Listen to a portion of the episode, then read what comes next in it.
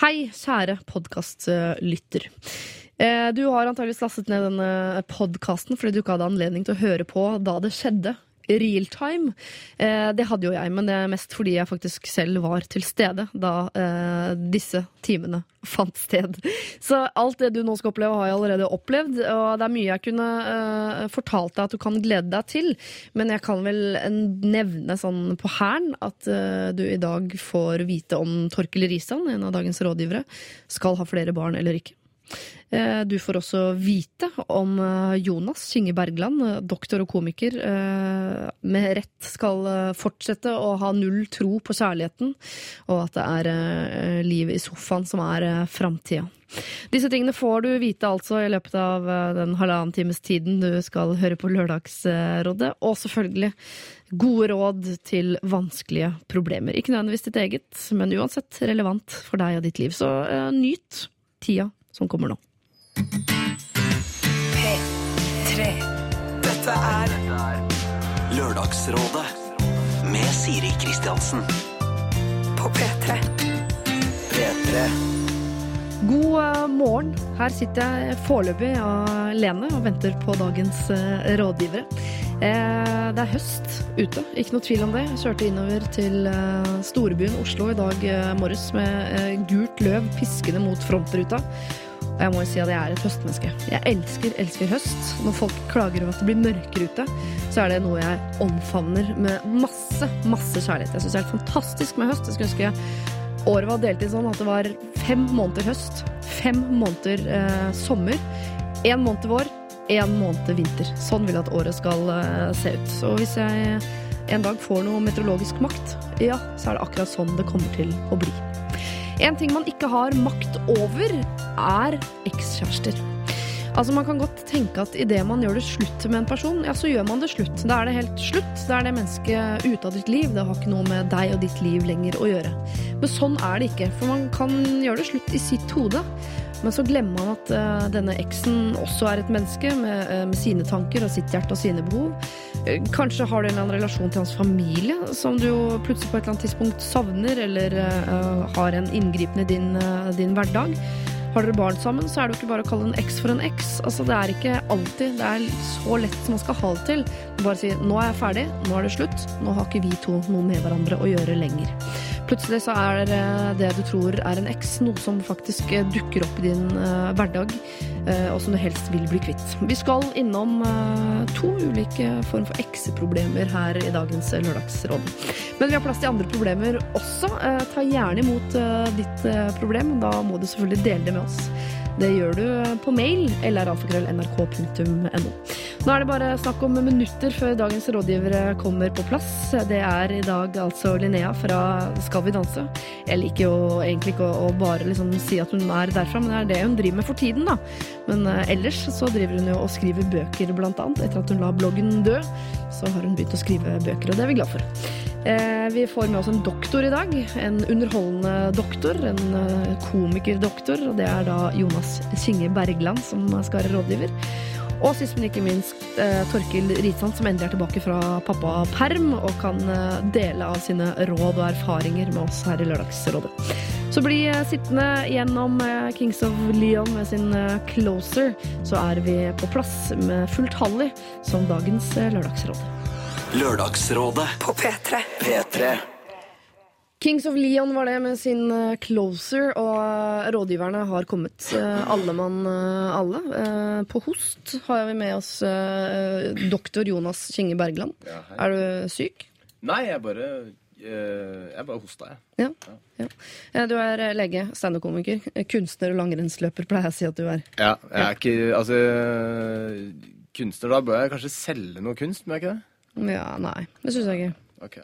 Nei. Og la oss bare legge til at det er ikke performance eh, eller installasjonskunst, men noe ordentlige greier. Ja, altså maler. Eh, Malere og tegnere. Ja. Det høres Eh, jeg veldig ufordragelig ut, men eh, det er jo det jeg ofte får høre. At du er ufordragelig? Mm. Ja.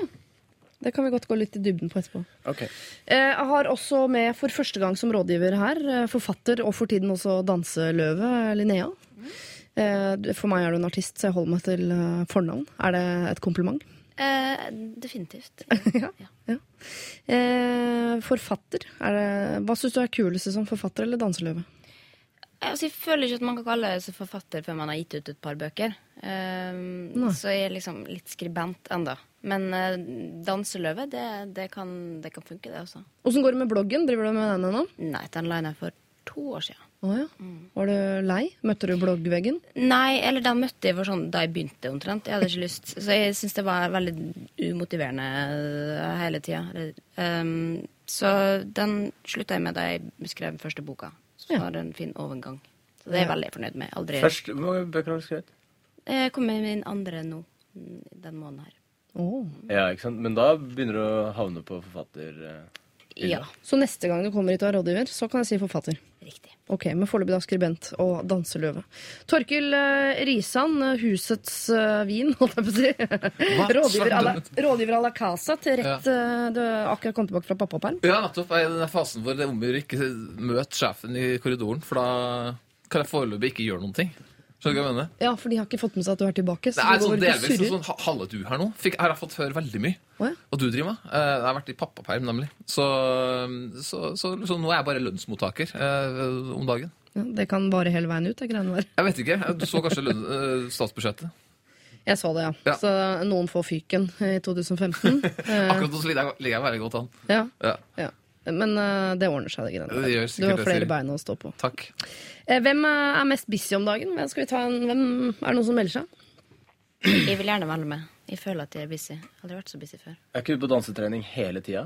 Ja, nå flytta jeg inn på det dansesenteret. Men det er heldigvis rett ved siden av hjemme, så hvis jeg har glemt noe, så kan jeg bare gå hjem også. Du har jeg- tid til å bake i dag, da. Så det er jo Nei, det var i kveld, for da slutta jeg litt tidligere. Ja. Eller dansestudioet var fullt, så da måtte jeg, måtte jeg trå til. Gjøre et eller annet. For jeg begynner å kjede meg veldig når jeg plutselig ikke har noe å gjøre lenger. Men du skal på trening etterpå, eller har du for vane å gå i treningstights? Eh, Jeg har det som vane også, men, eh, men jeg skal på trening etterpå. ja. Ja. Er det gøy? Det er veldig gøy, men det er klart det er veldig krevende også. Eh, Men mest sånn tankevirksomhet. Det, mye, det føles litt som å være med på Paradise Hotel og litt sånn taktikktanker, kjenner jeg. Og har det blitt grupperinger innad? Eh, ja, det er sånn det er, mm, ja, Hvem tror du ryker nå, og hva er sannsynligheten? Altså, Hvem fortjener, og så videre. Ja. Men dere skal ikke holde sånn kule på slutten der? nei, eh, jeg håper vi slapp det. Men hva slags taktikk er det? Eh, Er det taktikk i hvor, hvor mye du legger i den, den dansen den uka? Eller liksom sånn, kan godt gjøre, få en dårlig score i uka her? Eller? Ja, altså hva satser vi på den gangen her? Satser vi på show? Satser vi på karisma? Ja. Sats- ja at det er litt um... Kløft, ass, skills. Ja, altså skillsa det er, Jeg blir aldri god. Eh, Det er litt irriterende. Vi har så lyst til å bli god, og jeg prøver så hardt jeg kan. Men eh, så ligger det ikke inne, tydeligvis. Um, Det er kulere å vinne på karisma enn på skills, for å være Ja, helt ærlig, i det- sånn uh, selskapsdans. Altså. ja. Hva er vanskeligst sånn uh, selskap Det er mye selskap sånn. Jeg har ja, latindans, sånn hofta, sånn, sånn samba og eh, rumba og sånn, det er ganske kjedelig og fælt. Men han derre fotballfyren som er med i absolutt alle reality-konsepter og kommer ganske langt i alle, hva heter han? Rårstad? Råstrand, ja. Han har litt uh, hoftebevegelser inne. Er ikke han ganske god på det? Jo, men uh, jeg tror ikke han er god i utgangspunktet, men han, han hvis jeg trener mye, så trener han enda mer. Eh, så han bare liksom har ikke noe annet liv utenom. Det er Supermann du snakker om her, da, så Ja, vær litt respektfull her. Jo, ja, han er jo det er det jeg sier. Han kommer jo nesten til topps i alt han er med. Om det er Ja, han er trønder, han. Det er derfor du- forsvarer- mestvinnende fotballspiller i norske fotballspillere gjennom tiden. Men nå er ikke, har ikke det noe med nivå å gjøre?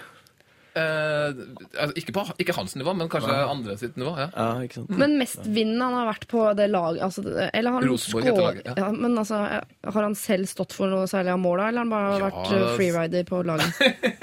Ja, Råstrand var freerider hele, hele veien. Han- Han gjorde ingenting. jeg vet ikke. Han hadde griseflaks helt sykt mange ganger. Ja, Ja, men noen sykt. ganger handler det om sted og tid og timing. Så, Ja. Ja, til en viss grad. Men nei, han var dritgod, ja. Mm. han scora. Ja altså, han var midtbanespiller, da. Han var liksom som en propell. Han sprang fram og tilbake. Så jeg tipper han har god kondis. Det kommer sikkert godt med i danse, danseverdenen også. Så han er flinkere enn i hvert fall. ja, ja. Og konkurranseinstinkt, tror jeg. Noe helt Ja. inn i helvete. Men jeg syns at han, han, har, han er så god i fotball, da trenger ikke han være god i dansing, tenker jeg. At Ja. de som er litt mindre gode i ting, kan få lov å være gode i dansing. Men- Skinne på gulvet. Ja. Ja. Kan du love meg en ting, Linnea, uansett om du vinner eller ikke, at du ikke tar over som programleder etterpå. Jeg tror ikke, jeg har ikke, jeg har ikke nok karisma til det uansett. Det er, jeg er ikke Katrine Moholt. Vegg-til-vegg-tepper har karisma nok til å drive det programmet. Og det tror jeg ikke du skal være redd for. Det bare ser så utrolig kjedelig ut. Ja, det kan jeg sikkert være enig med deg i. Og da, Det er så innmari sånn stakkato. Da, eh, alt, alle setningene hver eneste lørdag er helt like som forrige lørdag. Det syns jeg det er morsomt bygd opp. Eh, er det noen som utfordrer Linnea på eh, at de har mest å gjøre om dagen? Jeg eh, Jeg tror sånn tidsmessig kanskje ikke. Jeg driver og mm, Jeg har forestilling på Latter for tida. Ja. Den derre om alternativ medisin. Mm. Og så er jeg på turné med det showet også. Ja. Så jeg reiser rundt i landet. Og så er jeg tre dager i uka på legekontoret som Ja. Og så driver jeg og illustrerer et eh, foredrag om uh, førstegangstjenesten. Oh, du illustrerer et foredrag om førstegangstjenesten? Oh yes, det jeg gjør jeg. Jeg sitter hjemme og tegner uh, tegninger. Har du en vittig strek? Jeg har en vittig strek. Har du ikke litt sånn uh, fantomstrek? Altså litt sånn uh, Jeg er veldig inspirert av Fantomet. Jeg var Ja. helt sykt opptatt av Fantomet da jeg Yes. eh, vokste opp. Så jeg lekte Fantomet, var eh, stort sett Fantomet hele tiden. Var du med Som førte til Fantomeklubben? Hva? Var du med i Fantomeklubben? Selvfølgelig. Altså, jeg var jo Men eh, jeg har, jeg har vært Fantomet i så stor grad at jeg faktisk uh, Dette her høres uh, eh, Jeg slo ned eh, mora til venninna av søstera mi. For jeg skulle vise at jeg var Fantom. Men altså, Fantomet det er den stripa som er i avisa som er to, lin nei, to Ja, I bilder som, veldig, veldig upraktisk. som det ikke har noe mening. eh, det det. er- Nei, altså Du må jo følge med på hver Ja, dag, da. og så sitter du i sitrende en spenning til eh, dagen etter, så får du to nye ruter. Jeg syns ikke det har noe der å gjøre. Altså, det er som å ta ut en og en setning av en bok og så Ja. trykke det med en ukes mellomrom og forvente at folk i andre Ja, ender skal ha lest Men det har jo gått ganske lenge. Ja, det Og de har jo kommet halvveis i en historie eller noe sånt. Ja, nei, det Helt går enig, ikke. det funker ikke helt. Men i bladform på 90-tallet, stort. Ja, ja, ja. Ja, Nei, jeg så leste. Fantomgreiene Og det, så det er det jeg gjør, da. Det er det du gjør. Mm. Jeg eh, håper ikke du utfordrer deg, Torkel. Det blir for dumt. Det blir for dumt å utfordre nå. Jeg hadde jo selvfølgelig lett vunnet, men uh, Ja, fordi du har, du har akkurat blitt pappa, og alt er så utrolig eh, vanskelig, og det tar så lang tid. Får ikke sove noen ting. Å jo da. Nei, du, jeg, ingen, jeg klager ingenting. Jeg bare slapper av og koser meg. Men da kan du få begynne på sivilstatusrunden, som vi alltid Gift, har her. to Mm. barn. Eh, sånn smått ser etter å kjøpe noe litt større å bo i. Ja. Det kan jeg si. Det, det jo- tar jo en viss, uh, viss eh, mengde energi. Eh, men ellers, nei, altså. Det går så greit, vet du. ja. Det er så fint. Og du er sånn happy daddy Ja, som elsker Du vil, du vil sikkert ha enda flere barn òg? Kanskje. Det, er- det er jeg ikke helt sikker på, faktisk. To er veldig, to er veldig fint tall. Det er sunt. Da har du liksom et par, et par hester du kan, eh, du kan stole på. At en av dem i hvert fall eh, funker når den blir stor. Ja. At den ene leverer til slutt. Ja, øh, men Nei, altså, jeg, jeg har sagt det før. Jeg syns det er litt, sånn, litt, for mye, litt for mye mas på sånn småbarnsforeldre med at det, er, at det er så mye mas. Ja. Det er jo bare å hygge seg, liksom. Du har valgt det sjøl. ja. Mm. Absolutt. Eh, Linnea, sivil status? Eh, kjæreste på nesten et år. Ja. Ja. Et år Kjæreste som er snart et år Ja, det er det. Det er grisete greier. det, er det lov? Eh, Bosituasjon? Har dere, eh, dere har ikke rukket å flytte sammen på det nesten året, regner jeg med? Nei, eh, jeg bor i kollektiv med tre andre. Tre andre. Ja. Er det, hvor gamle er de? Hva gjør de? Eh, de er litt av De fleste En journalist, en som er Jeg har ikke helt forstått hva han jobber med, men noe kontorarbeid. Ja. Eh, hun tredje vet jeg heller ikke hva jeg jobber med, egentlig. Men det er en fin gjeng, altså. Er Veldig det sånn, har dere noen ryddepolicy som uh... Ja, prøv å innføre, men det blir som regel til at de som gjør det. Ja. Uh, ja, er du baker og rydder og jeg står på. ja. Har dere hatt noen sånne friends uh, eh, moments? Har dere en kafé dere drar på hele tida? Og det er en av de som jobber som servitør? Nei, jeg drar veldig på mye på kafé, men da drar jeg alene som regel. Men jeg, jeg har ikke helt fått den Friends-feelingen ennå. Jeg fikk det i mitt forrige kollektiv. Da var jeg en del av et eller annet. Men vi har, vi har litt sånn Friends-stemning når det er fredag og taco klokka åtte. Da, kan, da skjer det. Da skjer det faktisk. Hva med deg, Jonas? Har det skjedd noe på sivil statusfronten? Jeg, jeg, altså, jeg krysser jo fingre, jeg. for Ja, nei, det har ikke det, vet du. Nå har jeg vært med her ganske mange ganger, og Ja. jeg er singel hver gang. Ja. Mm. Og, men du har jo egen leilighet og egen bil. Og så alt er egentlig på plass. Alt er på plass. Du er sånn fyr som kommer til å ha hytte før du har dame, du da, eller? Antageligvis jeg har eh, et, eh, en kompisgjeng som driver og, eh, vi driver og vurderer å kjøpe hytte. da. Ja. Ja. Den nitriste greiene. Ja, det er ganske trist. Det skal vi ordne. Jeg skal ordne, jeg skal ordne det. Jeg lover. Jeg skal ordne det. Nå skal vi først hjelpe andre folk. Vi skal rett over i eh, problemer, og det handler om eh, ekskjæreste eh, i første omgang. Men først så hører vi Alpha Waves. Dette her er Pow Pow. Dette er NRK P3. Pow Pow var det der, med sin Alfa Waves her i Lørdagsrådet, hvor jeg sitter sammen med Torkil eh, Risan, eh, Linnea og eh, doktor Jonas. Mm. jeg orker ikke det Synge Bergland-greiene hver gang. Jeg skal gjøre det innimellom. Ja. Hei, Lørdagsrådet. Jeg har et problem. I fjor på denne tiden gjorde jeg det slutt med min daværende kjæreste. Forholdet var fra min side helt dødt, og jeg har gått videre uten problemer. Han derimot var visst ikke helt ferdig. Og da jeg endelig eh, dro hjem til ham for å tømme leiligheten hans for mine ting, så knakk han sammen i gråt. I jula snakket vi litt sammen fordi han uh, fikk ikke kjæresterelaterte problemer som han trengte å snakke om, og jeg brydde meg jo, så jeg stilte opp. Rett etterpå dro jeg til utlandet, og og jeg fikk stadig vekk meldinger fra han. Da jeg kom hjem, fikk jeg fortsatt stadig meldinger fra han med oppdateringer på hans liv. Jeg svarte aldri. Så ringer han en dag, og da sa jeg at du må slutte å ta kontakt. Og jeg slettet han fra Facebook. Da han oppdaget dette, ble han så sint og sendte meldinger, og nå følte jeg at jeg måtte svare. Jeg sa jeg har gått videre, jeg har fått meg en ny kjæreste, jeg ønsker deg alt godt, men jeg ønsker ingen videre kontakt med deg. Han blei sur. En måned senere var han riktignok blid igjen, og fortsatte da å sende meldinger med oppdateringer på sitt liv. Jeg har bare sett han én gang etter jeg kom hjem fra min eh, utenlandstur. Jeg var ute og jogga, og han kjørte forbi. Han sakket tydelig farten, og da han var forbi, så snudde han og kjørte forbi meg igjen, denne gangen enda saktere. Så snudde han nok en gang og kjørte forbi meg i gåtempo uten å stoppe. Det var etter dette eh, at jeg hadde sagt at jeg ikke ønsket videre kontakt med han. Han skremmer meg, jeg unngår han så langt som mulig. Jeg går ikke steder der jeg vet at han har brukt å være før, for jeg aner ikke hvordan han vil reagere. Hvor gal kan et normalt mannfolk bli av kjærlighetssorg, og hvordan blir jeg kvitt han? Hilsen redd og nyforelska jente på 23. Skjønner dere? Hun frykter eksen sin. De har jo vært venner, og da har han vært en fin fyr, og de har vært sammen og sånn. Så plutselig på andre sida av gjerdet der, så har det virkelig sånn klikka bitte lite grann. jeg tenker umiddelbart eh, besøksforbud. jeg. Ja, det tenkte jeg òg. Altså, drive og kjøre, kjøre i gåfart ved siden av en person som jogger, det er ikke noe Det er ikke noe friskhetstegn. Ja, det høres litt Sopranos ut. Så, altså, Men, og det kan jo skremme han også eh, fra å gjøre det. Eller altså at det har eh, konsekven får konsekvenser, da. Det kan- han, ja. Det høres jo litt ut som at den har eh, At det ikke nødvendigvis bare var kjærlighetssorgen som eh, At den kanskje hadde noe latent liggende der eh, før, tipper jeg, da. Eh, Og kanskje Jeg tenker jo Først jeg tenkte også, ta kontakt med politiet, men så høres ut som det kan være litt sånn litt brå, brått for han. Jeg tenker bitte litt på han også. Hun, det er hun som blir plaga her. Men jeg ville i hvert fall, hvis jeg hadde vært hun, så ville jeg tatt, gjort det klart at uh, nå jeg har store problemer med det. Eh, jeg kommer til å ta kontakt med politiet og prøve å få besøksforbud. Hvis du ikke skjerper deg, jeg gir deg en sjanse. Ja, skal hun ringe, da? Eller sende tekstmelding? Ja. Jeg ville, jeg ville faktisk ha ja, det, den eh, kommunikasjonen hun er mest komfortabel med. Sende Da. mail? Eh, møtes, eh, møtes i parken. Det tror jeg- ja, er møtes i parken etter tolv på kvelden. Ja, Nei, ja. um... offentlig sted, tenker Ja, en sjanse til. Nei, du trenger ikke å møte dem ansikt til ansikt. Da, Nei, det, man må bare ta det på SMS hvis det er det som er kommunikasjonsformen deres. Ja. Men jeg bare tenker, men Han kun- høres litt sånn gæren Hvis han i utgangspunktet har vært kanskje litt sånn latent til å kunne bli gæren, og så er det kjærlighetssorg som gjør at han tipper over.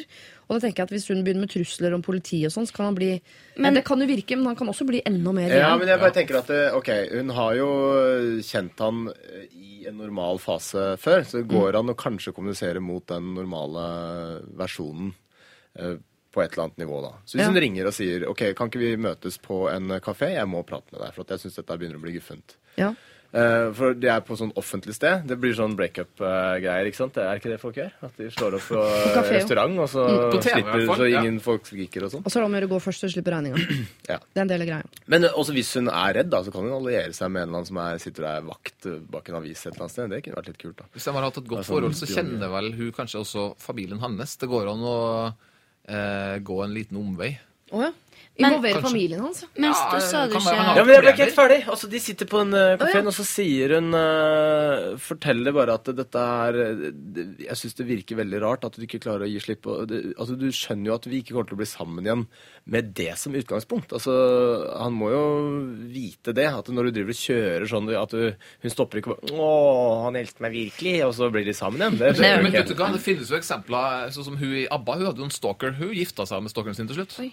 Ja, men visste hun at han var stalker? Ja, ja, ja, selvfølgelig. Men han var sikkert sikkert en utrolig sjarmerende stalker. Det her er veldig usjarmerende stalking. Jeg vet ikke helt, Det var noen ganske stygge historier hva han gjorde også. Men uh, Ja, det er ikke vanlig å forskjelle Ja, men det. nå Altså. bare, hvis, La oss si at han fyren her også hører på Lørdagsrådet, så vet jo han hvem han er, for han driver og kjører rundt eh, Nei, men du har jo ikke mye selvinnsikt fra før av hvis, du- hvis du driver med sånt. Men som sto det ikke også at han Eller de hadde snakka sammen om, at, om andre ting eh, som han hadde hatt det litt tøft med. Det kan jo være at det er liksom litt dypere ting som gjør at alt bare blir kaos, da.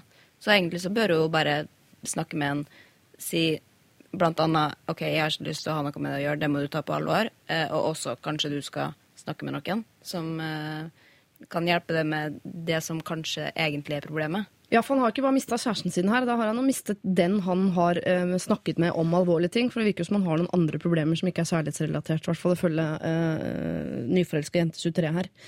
Da Men kan det være at familien kommer, kan komme godt med. da. Han, Ja. Hans familie. At hun ringer eks-svigermor ja, og sier nå må vi sette Ja, altså, han i kontakt med noe Det høres eh, Jeg veit ikke. Altså, da må du nesten, nesten få godkjenning av han. Altså, Du kan ikke gå rett til svigermor og si sånn Du, eh, sønnen din som har problemer, og det er ikke sikkert hun vet det. sånne type ting. Nei, hvis, Men hvis ikke det funker å prate med han, hvis ikke han forstår ja. alvoret, så må man jo kanskje gå på et, uh, en tredje person. Ja, for vi er vel allerede forbi den grensen der vi spør hva som er greit å gjøre og ikke gjøre her, for den har han brutt. Så da tenker jeg at hun også Der er åpent. Jo da, men uh, man skal jo på en måte legge til rette både for seg sjøl og for at han skal ha muligheten til å, eh, til å bli bedre. Ja. Dette her er ikke en hevnaksjon.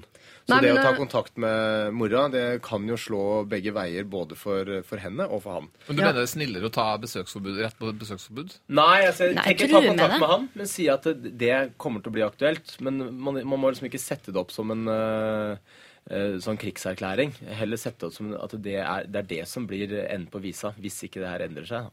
Ja, jeg At, tenker, hun, eh, hvis hun er redd for han, så er det litt skummelt å gå på kafé, men det er ikke så dumt, selv om det høres litt sånn Donald ut å ha med en fyr med avis Ja, ja, eh, ja. som sitter i lokalet. Så det kan hende at kjæresten også skal sitte et eller annet sted i lokalet der. Ja, jeg tror det. Um, Og så og så si bare men, Sånne folk må eh, liksom klappes litt sånn eh, medhårs eh, lite grann for at de skal skjønne hva slags eh, båt de sitter i sjøl. Ja. Og så kan man eh, måtte stille litt hardt mot hardt når de har skjønt, eh, skjønt hvor alvorlig det er. jeg får litt vondt av han fyren også, egentlig. For jeg tror ikke han har det noe godt. eh, Ikke bare pga. kjærlighetssorg, men bare for, av, av flere grunner. Så Ja. man må bare være litt, eh, være litt snill med den, også, men også veldig bestemt. Ekstremt tydelig, tror jeg man må være. Jeg tenker at Grunnen til at han ikke kommer seg videre også, som jo ved alle brudd, er at man sitter igjen med noen spørsmål. Man forstår ikke hvorfor det er slutt. Hva skjedde? Kunne jeg gjort noe annerledes? Er det tissen min? Burde jeg Altså, man har Ja, men da 10 må 000 jeg svare sånne rare Ja, er det mener. Ja, ok, du kunne gjort ting annerledes. Ja. Eh, Ja, du var veldig grei, men nå er jo det her altfor seint, og tissen din er helt grei, sikkert. Ja, For han sitter og tenker hvis jeg bare gjør det annerledes og sånn og sånn, og sånn så kanskje det blir oss igjen. Så vi må jo bare møte han og si sånn Du skremmer meg. Det blir, altså Svare på alle spørsmål, men være veldig tydelig på at det blir aldri oss igjen. Eh, Det så virka som det hadde vært eh, eh, det, for det hun skrev der. Da hun, da hun ringte og sa at vi- jeg vil ikke ha noe mer kontakt med det. Det Ja, er men- vanskelig. Da, jeg, jeg tenkte liksom, Hun har gjort det rette hele veien her, egentlig. Ja, ja. Jo, men Det er veldig tydelig å si 'jeg vil ikke ha noe med deg å gjøre', men det jeg svarer ikke på noe spørsmål. Han vil sitte og tenke sånn 'hvorfor ikke det'? For eh, under seks måneder siden så elsket vi hverandre. Hva skjedde? Ja. Men at det er noe der da han- må man jo bare møtes ansikt til ansikt, da. Ja. Og snakke om det. Da kan jo han stille alle spørsmål, og hun får svare på det hun greier å svare på. Ja.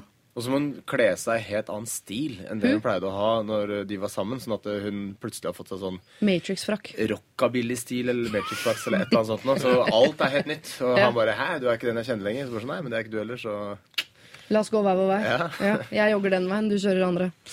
Ja, eh, eh, kjære nyforelska jente Redd og nyforelska jente 23. Eh, det høres kanskje veldig skummelt ut å skulle møte denne eksen igjen, men allier deg gjerne eh, med kjæresten din, f.eks. Gå og treff han. Eh, svar på de tingene han lurer på. Appeller til den gode siden som du var sammen med. Det er ikke så lenge siden heller. Og vær helt ekstremt tydelig, som du allerede har vært, på at 'jeg ønsker ikke å ha noen ting med deg å gjøre'. Og funker ikke det, ja, da må vi true med noe sånn mora hans og psykolog og, og politi og alle de tingene der. Men i første gang prøv å møte han på litt sånn eh, offentlig og nøytral grunn.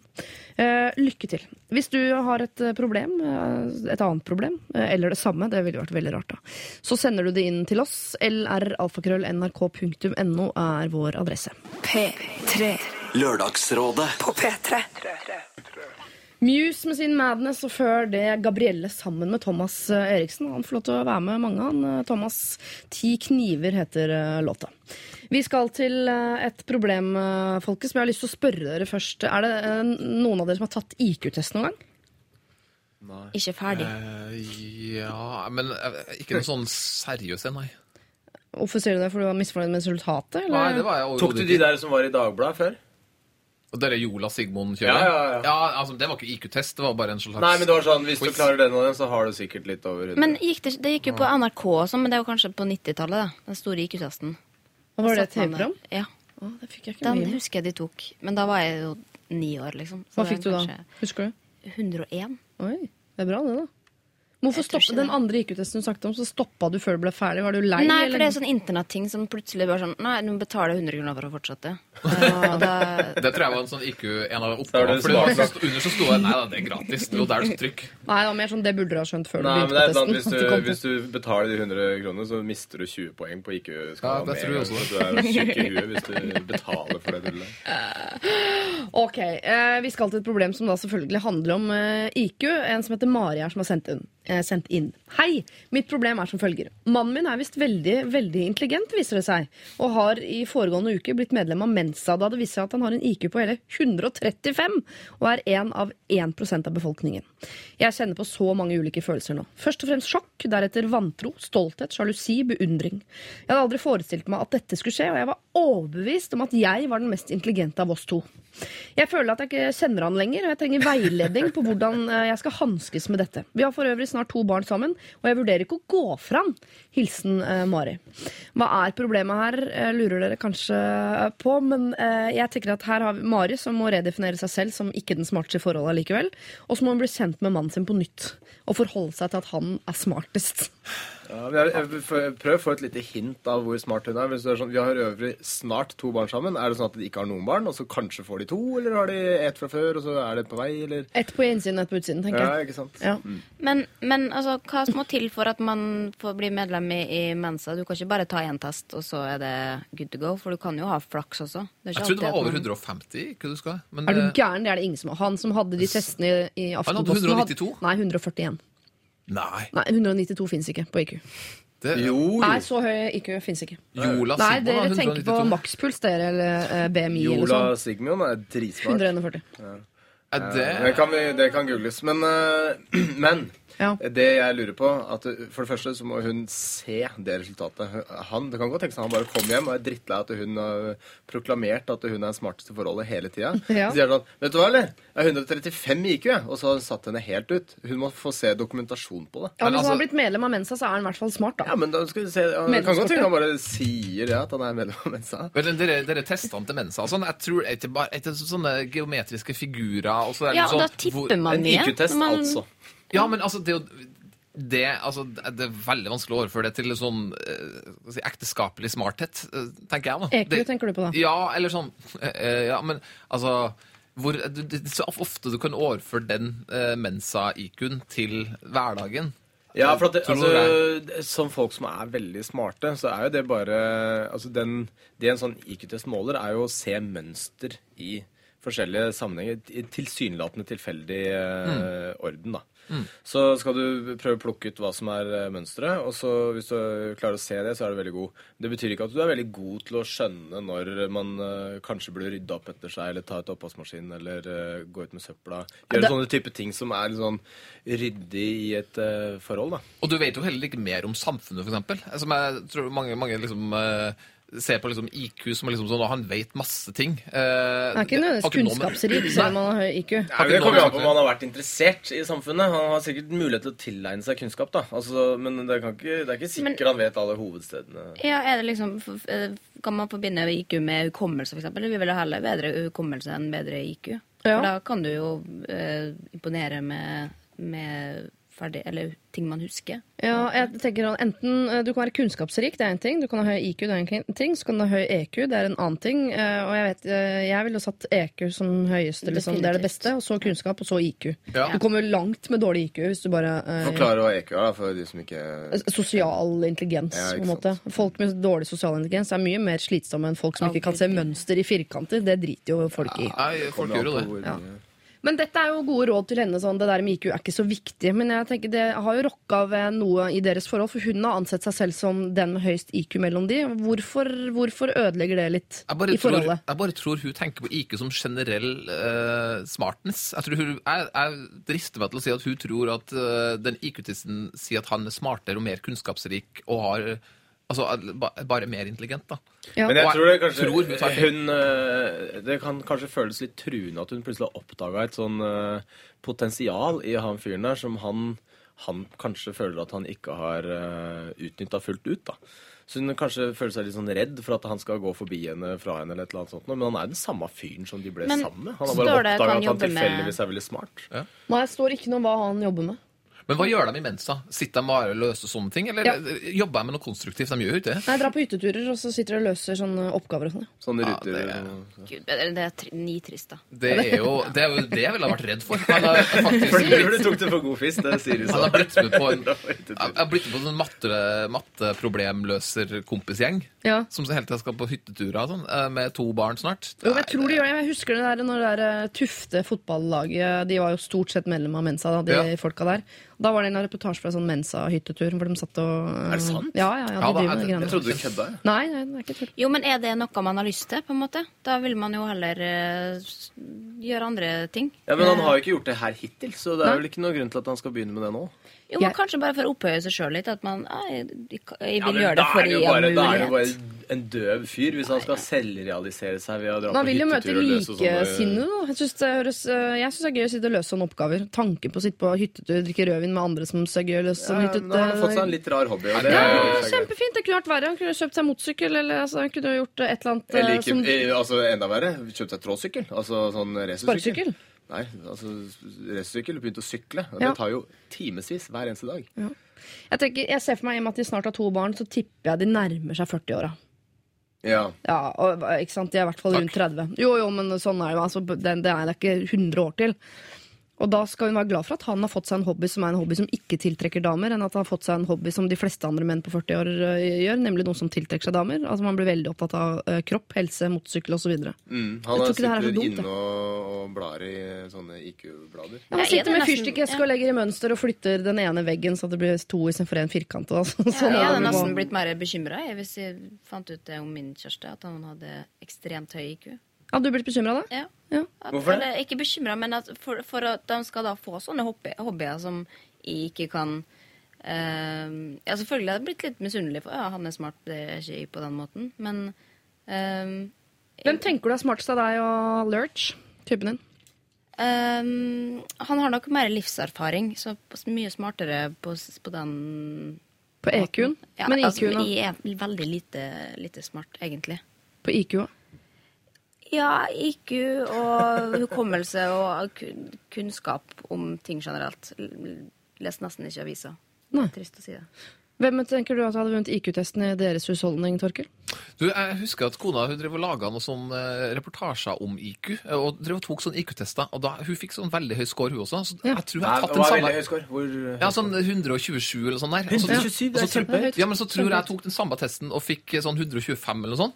Eh, Og det, det stemmer ikke overens. Jeg, tror- jeg trodde min skala gikk til Jolas Sigmund på 192, skjønner du. Så liksom Ja. at 135 plutselig Mensa det, det er ingenting som stemmer for meg av det greiene der. Det, det står her han har 135, og da representerer han 1% av befolkningen.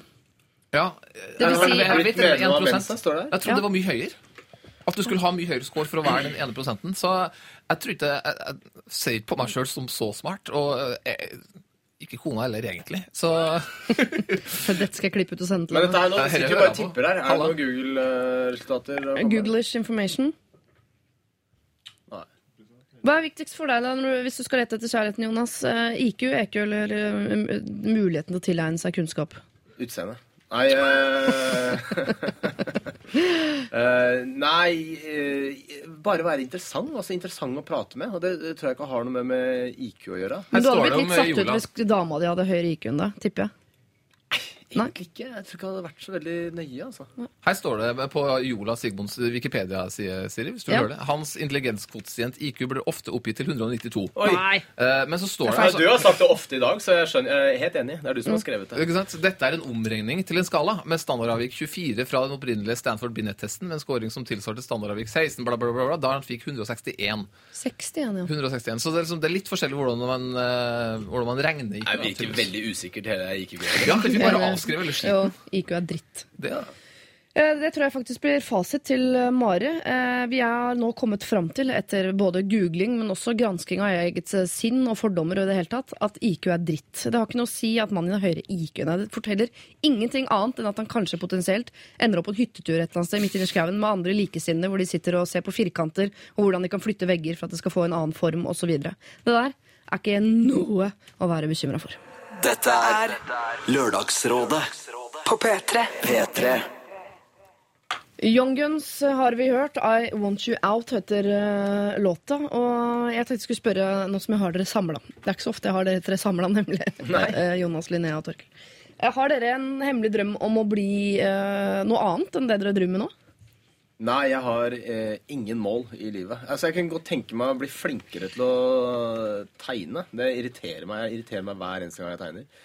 Over at det ser eh, ikke sånn ut sånn som jeg hadde lyst til at det skulle se ut. Så det, det er eneste som drømmen er at jeg en dag skal plutselig få en sånn åpenbaring hvor det der funker helt perfekt.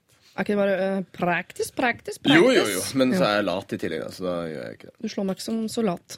Nei, jeg er det. Ok, bra.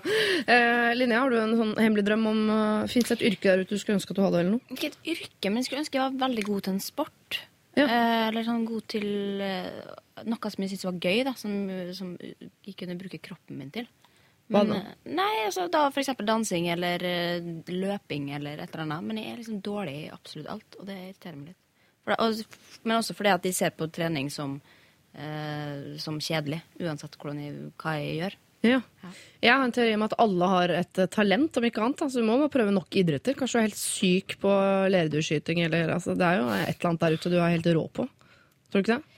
Ja, men jeg prøvde det meste også. Jeg har liksom vært med et par uker på alt mulig som barn. Sånn pil- og bueskyting og ja, alt mulig. Ja. Så jeg har, føler jeg har prøvd alt. Men selvfølgelig, det er noe, noe muligheter der ute. Ja. Men du skulle også ønske at du var skikkelig god i en eller annen idrett. Ja. Hvis du kunne velge, da? Hvilken idrett det skulle gjøre? Dansing eller løping? God i løping? Hva er vitsen med det? Bare være rask, liksom. Jeg sprang jo 60-meteren på 12 sekunder. Det er jo ganske dårlig. Eh, Men eh, Jeg tror ganske van... Eller vanlig Nei, er kanskje ti. Det Ti er ganske vanlig. altså. Ja. Ja. Det er Takk, veldig sakte. takk for støtten. Ja. Ja, du burde skamme deg. Her må vi være ærlige, altså. Det er ikke fort nok. Hvor fort løp du, Torkil? Og jeg sprang ganske fort, altså. Ja. Eh, Sånn eh, sju-ni eller noe sånt, tror jeg. Oi, oi, oi, oi. Men hva er din hemmelige drøm? Hva er det? Mange. eh, Pinlige. Sånn liten gutt fortsatt. Eller fortsatt liksom blir sånn oh, bra skuespiller. Oh, ja. Ja. Her skal du bli skuespiller? Jeg skal bli, jeg blir jo ikke det. Jeg, jeg gjør jo ingenting for det. Ja. Men hvis Du det er noen som har en rolle, liksom, så det, selvfølgelig. Jeg kan jo, jeg kommer jo, jeg. Eh, det altså, jeg har lyst til å begynne altså, Forfatter eh, Jeg har jo masse sånn førstesida til bøker. Jeg har skrevet sånn 10-12 av. Og du skulle sikkert skrive i hvert fall første pappapermen, så tipper jeg du hadde planer om å skrive en roman. Det var for klisjé, så jeg gjorde det før, lenge før det. Gæren.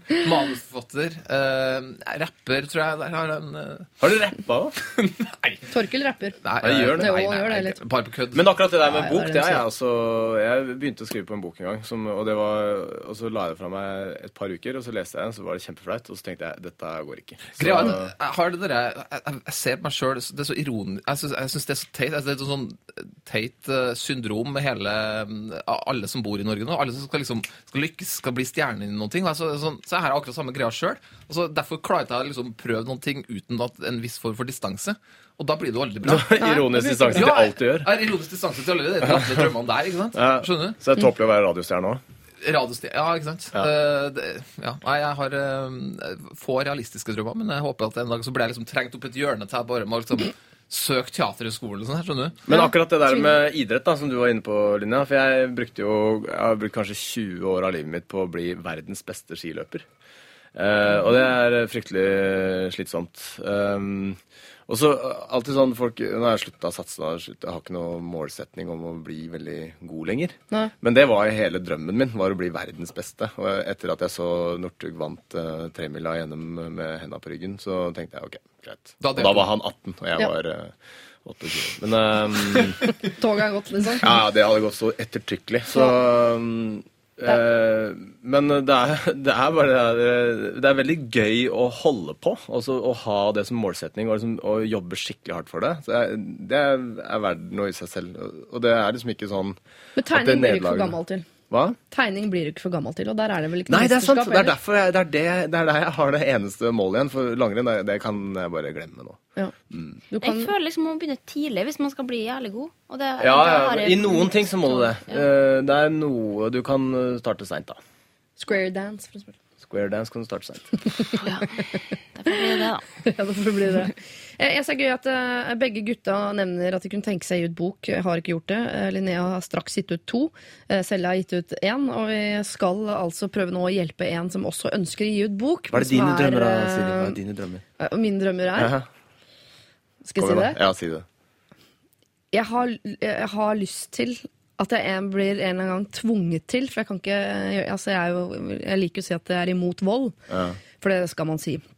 Men jeg har utrolig lyst til å vinne en slåsskamp. Så jeg har lyst til Hvor du har rett til Og, og du, er berettiga til å slåss alt ja, du jeg har lyst til å bli utsatt for et potensielt sånn uh, blind voldovergrep, sånn at jeg kan uh, briljere med uh, thaibokskunnskapene mine. Ja, for du kan slåss, ikke Og sant? jeg, ja, og jeg vil at noen skal se det. Det skal Ja. se sånn ut som på Snikende tiger, skjult drage. Og så skal det stå i avisen sånn NRK-ansatt eh, uh, fikk kjeltring innlagt på sykehus med brekte ribbein.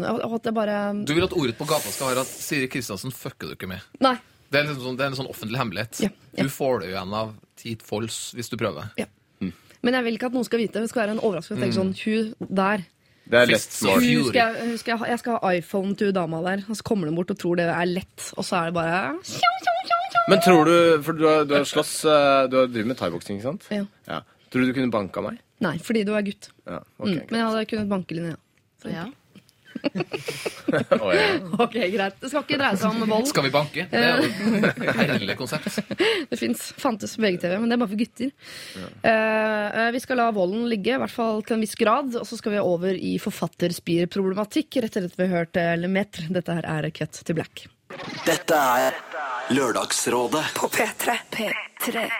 Lemaitre var det med Cut to Black. Og da skal vi inn i dette forfatterspireproblemet, som jeg vel allerede har nevnt. Her står det. Hei, jeg vokste opp med en far som aldri brydde seg om meg. Uansett hvor gode karakterer jeg fikk, brydde han seg ikke. Jeg jobbet enda hardere og fikk enda min- mindre respons da han tok mine oppnåelser for gitt. I tillegg var han direkte slem. Han baksnakket alle, og jeg ble redd hver gang han ble sint. I tillegg var han utro mot min mor i mange år, og i etterkant har han fulgt etter oss, kommet til byen hvor jeg bor på jakt etter meg, dukket opp på jobben min osv. Det siste nå er at han har politianmeldt oss for tyveri. Tjuvgodset er en ren fiksjon. I tillegg har han sagt til politiet at jeg er et uærlig menneske og en tyv fordi jeg stjal en flaske sprit fra kjelleren da jeg var 16. De fleste der jeg kommer fra, tror, pappa, eh, tror på pappa når han sier at det er mamma som var utro mot han. Han har et respektert yrke i byen, og folk ser opp til han, og han er ekstremt sjarmerende mot alle. Klassisk psykopat. Jeg er utrolig preget av denne mannen. Jeg er nå aspirerende forfatter. Nå føler jeg at denne historien må ut før jeg kan fortelle andre historier. Og alle forsøk på bøker går til helvete. Jeg har hørt at man aldri skal skrive om oppveksten sin, men eh, kan jeg gjøre det når den har vært såpass spesiell? Jeg føler at denne historien sitter fast som en propp inni meg, og jeg sliter med å forstå hvor vanskelig jeg egentlig har hatt det sånn i retrospekt. Hjelp! Hilsen forfatterstudent. Er det, det er litt rart å si der Man skal aldri skrive om oppveksten så kommer Knausgård og bare eh, Jo da, man kan det. Tore Renberg, det er jo det de fleste skriver om oppveksten sin. Ja, er det flest skriver om, det. liksom? Det er vanskelig å komme ut av, av seg sjøl Ja. og skulle skrive om noe helt annet. Da skal du ha veldig god fantasi, i hvert fall. Mm. Altså, alle forfattere bruker seg sjøl til en viss grad. Og så må du ha helt sånn sykt med kunnskap. Jeg tenkte på det hvis jeg skulle skrive bare eh, et eller annet, da, en eller annen scene hvor jeg, som jeg ikke har opplevd selv, så må jeg gjøre masse research, og du må jo finne ut av ting. Ja. Eh, men det hun her vil ha, det er jo en form for hevn. En form for eh, å på en måte Får du det inntrykket at det er hevn? Ja, jeg, altså, det er en bitterhet i forhold til den der oppveksten der, er det ikke det? Jo, men i bitterheten ligger det masse deilig kunst. Og jeg tenker, hvis du, øh, du, det er ikke sånn, Hun er ikke bare en sånn som oss som sitter rundt et bord og tenker sånn ah, 'Det har vært fett å skrive bok', ass. Studerer jo for å bli forfatter. Skal, det er forfatter hun skal bli. Ja. Har Og det er klart Hvis du går med en bok inni der Ja. liksom, eh, som føles som en sånn propp før man kan bli kreativ og fi, bare finne på ting, altså har hun lyst til å fortelle den historien. Er ikke det greit. Jo. Jeg, jeg hadde, med en gang hun begynte å skrive om det, så tenker jeg at det er en dritgod historie å skrive om. Også for å skrive det ut av Ikke nødvendigvis ut av det, men i hvert fall prøve. da. Ja. Eh, hvis ikke man har lyst til å gi alt på første forsøk, på en måte, at man kan bruke litt av det, og så spare litt til seinere. Ikke liksom dra ut uh, alt med en gang. Men Ja, at du at tar det- elementer av historien. Ja. Du kan ikke kjøre en het uh, copy-paste, for det Nei. blir vel uh, Det er vel Men at man Det kan lase, Det er lov. Ja, absolutt. Men, men man kan la seg inspirere til en veldig høy grad, og så kan man kanskje skrive ut hele historien ved neste anledning. Man trenger ikke liksom dra Men ta- det er jo denne historien hun går med. eh, Og hvis at hun studerer for å bli forfatter, så vil jeg jo Jeg tror jo det er sånn at du du jobber særlig med en idé på det studiet. Ja. Og her er jo den perfekte muligheten til å få hjelp til å få formulert det, og finne liksom stemmen sin i, i pennen. Ja, det er jo ikke Så- sånn så- at det så må er helt- utgis heller, så jeg bare Nei. skrive det, og så se åssen det blir. Jeg synes, Kjør på. det. Jeg heier veldig på hun der. Men, Men- hvorfor, er hun, hvorfor tviler hun? Hva er det som stopper henne? Det er jo da det moralske ting, selvfølgelig. Så, altså, han kan jo altså, hvis, han, hvis det kommer veldig tydelig frem at det er han det faktisk handler om, så kan jo han ja, gå til sak mot henne og, og så videre. Og så er det jo tydelig at han faren her har jo antageligvis en del problemer. Altså, Ja. Han er nok ikke en sånn høyt på strå eh, kar som eh, Altså, virker ikke som han er helt stabil, da. Hvis Ja, allerede, ja. utad virker han jo veldig stabil, så jeg tror hvis denne boka kommer, så vil jo lokalmiljøet rundt denne mannen vil tenke sånn Hva? Den utrolig sjarmerende, respekterte mannen der som har det og det yrket. Jeg har klippet litt i denne mailen for å anonymisere han. Eh, de vil nok bli ganske sjokkert over at han har en side hjemme som er såpass dark. Som involverer da det, altså hele hans framtoning mot familien. ja, men det er jo enda gøyere å ta. ja, det gjør det jo bare desto spenn mer spennende og mer interessant for dem som har lyst til å Eller Men det, Ja. det hun kunne gjort, var jo Kan jo anonymisere såpass at det ikke er skråsikkert at det er han er, men det er, det er ganske sikkert. Så sånn sett eh, at de som kjenner han, må tenke sånn Det må jo være han. Ja, altså bytte, bytte yrke på han. Altså, det kan være mye som, eh, som ikke er, er, Altså, du kan kalle det en roman, eh, og skrive ganske mye inspirert av din egen far, men også gi inn litt nye egenskaper som man kanskje ikke hadde fra før av. Men hvis hun med sitt fulle navn gir ut en bok som handler om en far som folk tror er snill, men som er slem, så kan du bytte så mye yrke og alder, og du kan sette på han skjegg og langt lyst hår og kan gjøre hva du vil, men, Jo, men du jeg er fortsatt- tydelig at det er han allikevel. Ja, men du kan fortsatt forsvare det ved å si at nei, det er ikke han, det er en roman. Ja. ja. Dette, dette kan jeg alt om. Ja. Mine, begge mine romaner de er jo ganske nær meg sjøl likevel, men det er like mye man kan pynte på og ja, Trekke fra og legge fra. til. Ja. Jeg tror uansett det lønner seg å, liksom, å, å kanskje bruke historien om faren som en slags bihistorie i, i romanen sin. At, Ja. uh, at hun kanskje, for å kanskje uh, gjøre det litt mer fiksjon, uh, finne en, finn en hovedhistorie. Eller sånn, romanen skal egentlig handle om, hvert fall sånn utapå, men så er det liksom det hele forholdet til pappaen her er kanskje motoren. Men vi er egentlig ganske enige i at det er greit å bruke historien. Vi, bare Ja. vi kommer bare med tips vi, om hvordan, hvordan vi skal gjøre det. Vi er, eh, Vi, nå, nå lærer vi om forfatterlinja. Det, det, Det er, det jo, det er sikkert masse folk på den forfatterlinja som kan dette. Det tror jeg bedre Ja. Jo, men jeg tror kanskje også det er en veldig god idé å bruke bare litt av det. Altså for eksempel med Bret Easton Ellis, som har et likt, eh, eller ganske problematisk forhold til sin far, som i alle bøkene har gått gjennom at det er faren som er problemet, på en måte. At han er på en måte Altså, uansett hva han skriver, så dukker faren opp. Eh, og at man kan bruke han på en sånn måte, istedenfor liksom at hele boka skal handle om han. Men jeg tror hun er jo redd for hele den der shitstormen som kom, for eksempel, eh, hvis vi først er inne på Knausgård, som fikk han masse tyn etterpå fra familie og altså, Det var vel en del folk som Ja, Se kappet åssen det har litt gått med han. Er hånda. mangemillionær. Selvfølgelig. Mm. Så man må vel ta et regnskap på sånn, eh, hva er viktigst for meg, å, bevare et sånn 100 uh, greit forhold til familien, eller å gi ut denne boka. Det lille regnskapet Ja, Men greit forhold til familien er jo ferdig. Altså, Han han, han, han fyren er jo, har jo, er jo har fucka opp alt. ja, hun har ikke noe å tape på det, tenker jeg egentlig. Men drar jo hun mor antagelig er vanskelig, og Ja, men mora kom kommer jo bedre ut av det. Og, Hun får muligheten til å fortelle sånn Alle kommer bedre ut av det. Det er han som sitter der med svarteper. Han er faren. Men jeg tror det er ryddig å ta en runde først med familien, før du, i hvert fall før du publiserer noen ting. Men ikke med faren. Ja, det er for å være ryddig. Altså for, for, hvis du får noen uh... Kanskje når boka har gått i trykk, så kan Ja. du si nå kommer det en bok som Ja. kanskje du ikke skal lese, eller Nei, som du ikke kommer til å elske sånn hardt. Men det virker som om lista også er, det er litt mer greit nå å gjøre sånne, sånne Knausgård-grep. Og gi ut liksom en roman, men finne på litt. Altså Alt Tore Renberg har skrevet, handler om en far på et Ja. eller annet vis. Så det er, sånn, det er veldig vanlig. Ja. Og det er helt riktig, for det er jo det folk skriver om, er jo det folk har opplevd mest, det er jo forholdet til foreldre. Så. De bøkene du begynte på, var det om faren din? Nei, det var ikke det. Uh, Å nei. Du bare gled deg, Jonas. Det blir så bra, det. Jeg skal spille filmen sjøl, for øvrig. Ja, det skal du. Han med en ung gutt som Skal du lage musikken nå? Rappe litt? Som er er rappstjerne. liksom. Ja. Du, eh, kjære forfatter, forfatterstudent, det er klart du skal eh, gi ut eh, bok. Det eneste som stopper deg fra å gi ut denne boka, er jo at du på et eller annet merkelig sted inni kroppen tenker at du skal ta noe eh, hensyn. Og hensyn til mor, og hvis det er noen som andre enn faren din som tenker at det er greit, så gjør for all del det, men ikke, far, ikke ta hensyn til faren din. Hensyn. Han har ikke tatt hensyn til deg et sekund i din oppvekst. Nå skal du gi ut bok. Den boken fins inni kroppen din. Den skal ned på papiret og ut i bokhandlene, og jeg skal øh, kjøpe den. Si ifra til oss hva boka heter og når den øh, kommer, så vi får mulighet til å Vi kjøpe skriver sånn lite tegn på baksida. Bare sånn der Lørdagsrådet. Takk til, vi vil ha eh, takk til Lørdagsrådet, selvfølgelig, et eller annet sted i boka. Eller bare nevn, lat som du hører på det i bilen når du kjører sånn gråtende fra barndomshjemmet ditt. eller et eller annet. Det hadde vært fint. Tusen takk for det. Eh, vi skal ta flere problemer. Eh, det, er, det er sikkert kanskje plass til ditt problem også, hvis du har et du ikke har sendt inn. Hvis ikke, tar jeg det med meg til neste lørdag. Send inn på lralfakrøll.nrk.no.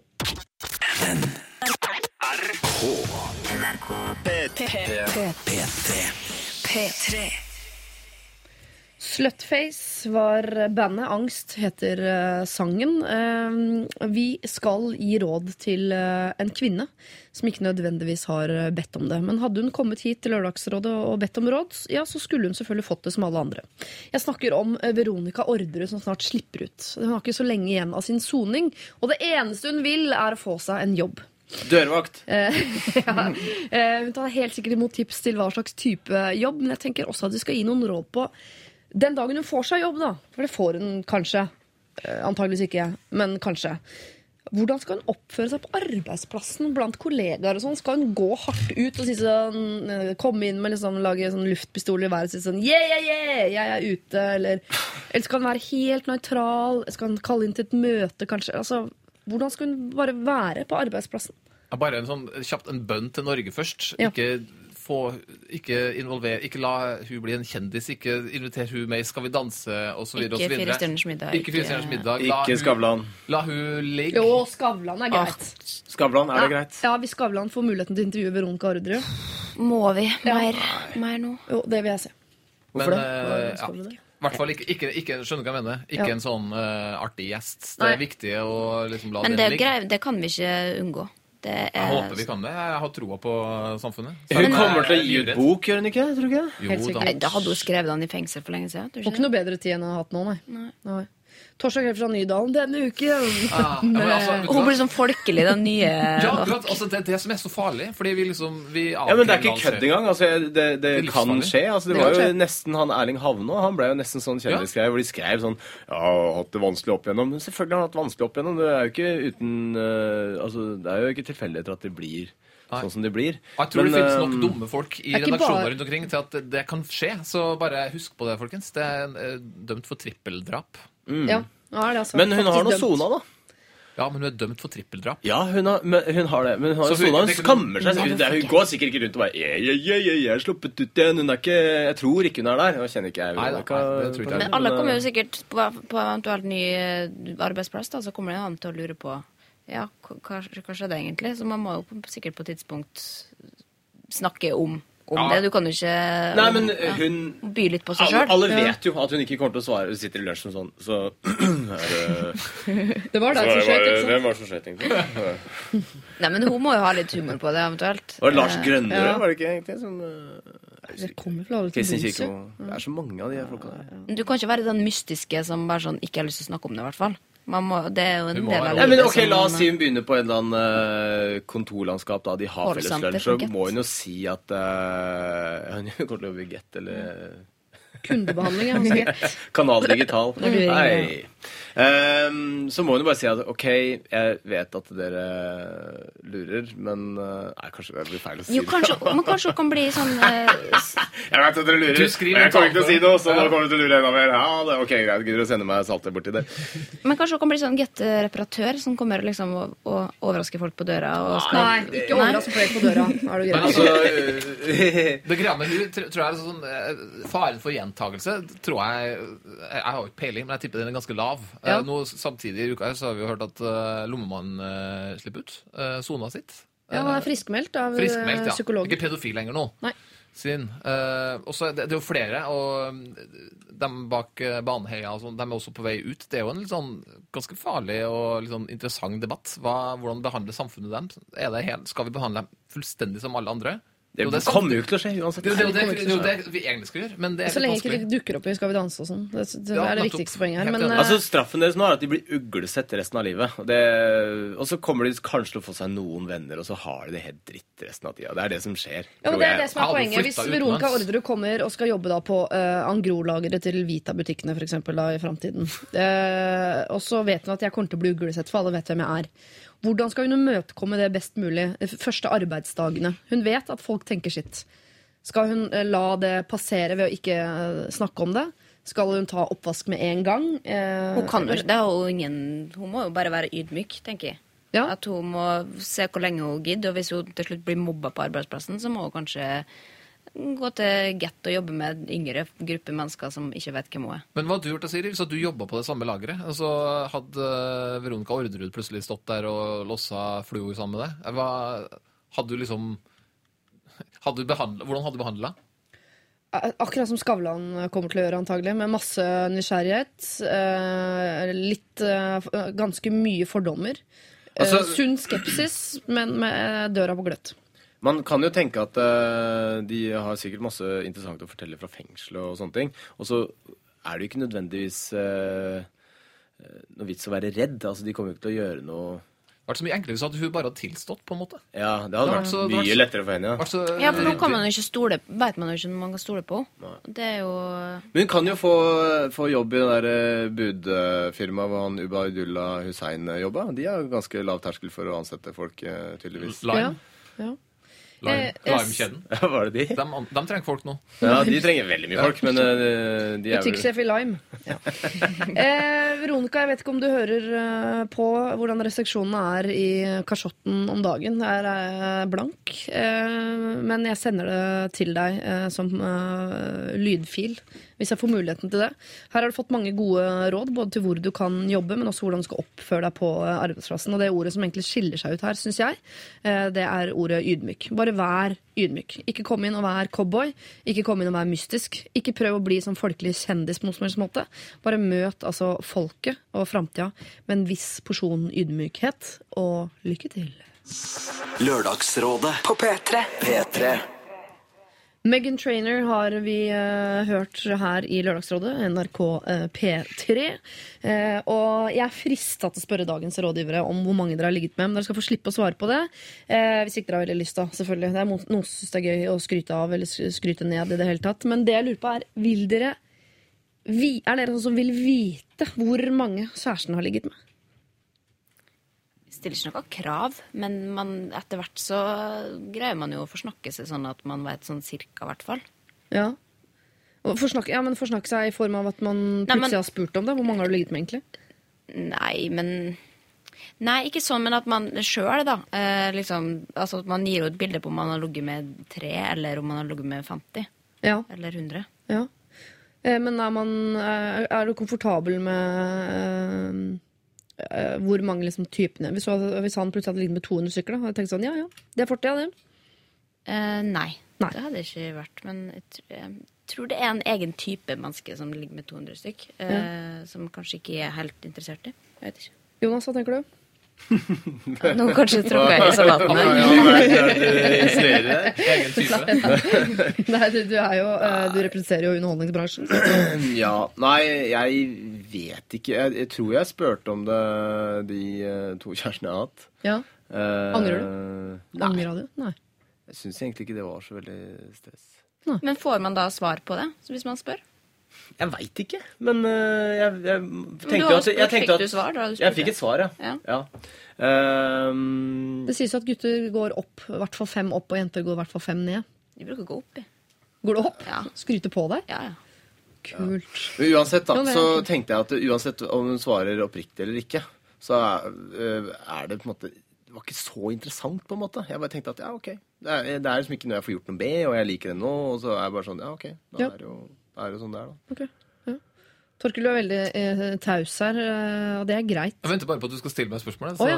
ja, det- ja, altså Mange du har vært ligget med? Men ble ikke du og kona sammen når du var sånn åtte og et halvt år gammel? Eller sånn? Nei, nei, ikke akkurat, men uh, tidlig i 20-åra. Så Ja. altså, det er altså, selvfølgelig ingen stein er usnudd uh, i, i et, et ekteskap. Eh, jeg syns det er naturlig, eh, og det er fort gjort å, å ta den runden der, for Ja. å si det sånn. Så Ja. det er ja, ryddig. Veldig ryddig i forhold til det der. Og du er komfortabel med tallet i det hele tatt? Ja, jeg er kjempekomfortabel. føler du at du burde ha ligget med flere når du ble sammen? Det kan man uh, sikkert noen som mener, Uh, men ikke jeg. Jeg er veldig komfortabel med å ha et tall. Det er vel skrekkelig ikke noen andre som går rundt og mener det. Jeg syns Torkel burde ha ligget med flere. Mener du det? Altså, takk. hvem er det Tenk som hvor mye du har gått det? glipp av. Ja, jeg, jeg tenker ikke på det, heldigvis. Eh, ok, Uh, skal, jeg skal la temaet ligge litt. Det vil si, vi skal til temaet igjen, men da skal det ikke dreie seg om dere lenger. Vi skal nemlig uh, prøve å hjelpe en fyr som er særdeles ukomfortabel med antallet han har fått opplyst av sin kjæreste. Men eh, ikke før vi har eh, hørt eh, både uh, Gorgon City og Michael Jackson, så skal vi tilbake til litt god, gammeldags ligging. Dette er Dette er P3. Det er vel kanskje ikke nødvendig å si, men det der var Michael Jackson, og låta het jo da selvfølgelig Bad. Eh, vi skal til dette liggeproblemet som vi allerede har snakket litt eh, om. Eh, jeg leser fra topp. Kjære Lørdagsrådet. Jeg er en gutt på 28 år som for tre måneder siden ble sammen med en kul jente på 24. Siden første stund har ting stemt. Vi ler og har det gøy sammen, og det føles som om vi har vært en del av hverandre sine liv mye lenger enn de få månedene vi har vært sammen. Jeg har to lange forhold bak meg på ca. fem år, men hun har vært i noen korte forhold før hun møtte meg. Vi har tidligere snakket om våre seksuelle erfaringer, og slik jeg forsto henne, var dette også et område vi var enige om. For min del betyr sex en god del eh, hvor det følelsesmessig er utrolig viktig. Sex i fylla one night stands har aldri vært min greie. For noen uker siden kom vi igjen inn på temaet, og det kom det eh, fram at vi allikevel ikke er så like på dette området. Hun var åpen og sa at hun hadde ligget med til sammen 25 stykker før meg. For meg var dette et utrolig høyt tall, og tanken på at hun har delt det særeste kjæreste vi har med så mange andre fremmede, har gått hardt inn på meg. Den følelsesmessige dimensjonen er borte for min del, og vår sex nå opplever jeg som mekanisk etter dette. Jeg befinner meg i en situasjon hvor disse tankene stadig popper opp og ødelegger, særlig når vi er sammen. Jeg syns det hele er vanskelig å svelge, og jeg syns det er vanskelig å glemme. Rasjonelt er jeg fullstendig klar over at det fins mye verre ting, og at jeg er den unormale i henhold til dagens markedsstandard. Men hva skal jeg gjøre? Jeg har lyst til å få det til med den jenta, jeg føler, men jeg føler meg så splittet. Jeg vet at jeg bør fokusere på nåtid og det vi har sammen, men det er så uendelig mye enklere sagt enn gjort. Vil jeg noen gang klare å komme over det, og ikke minst hvordan? Takk for eh, råd. Supert program. Jeg håper jeg blir anonym. Teit romantiker, kaller han seg.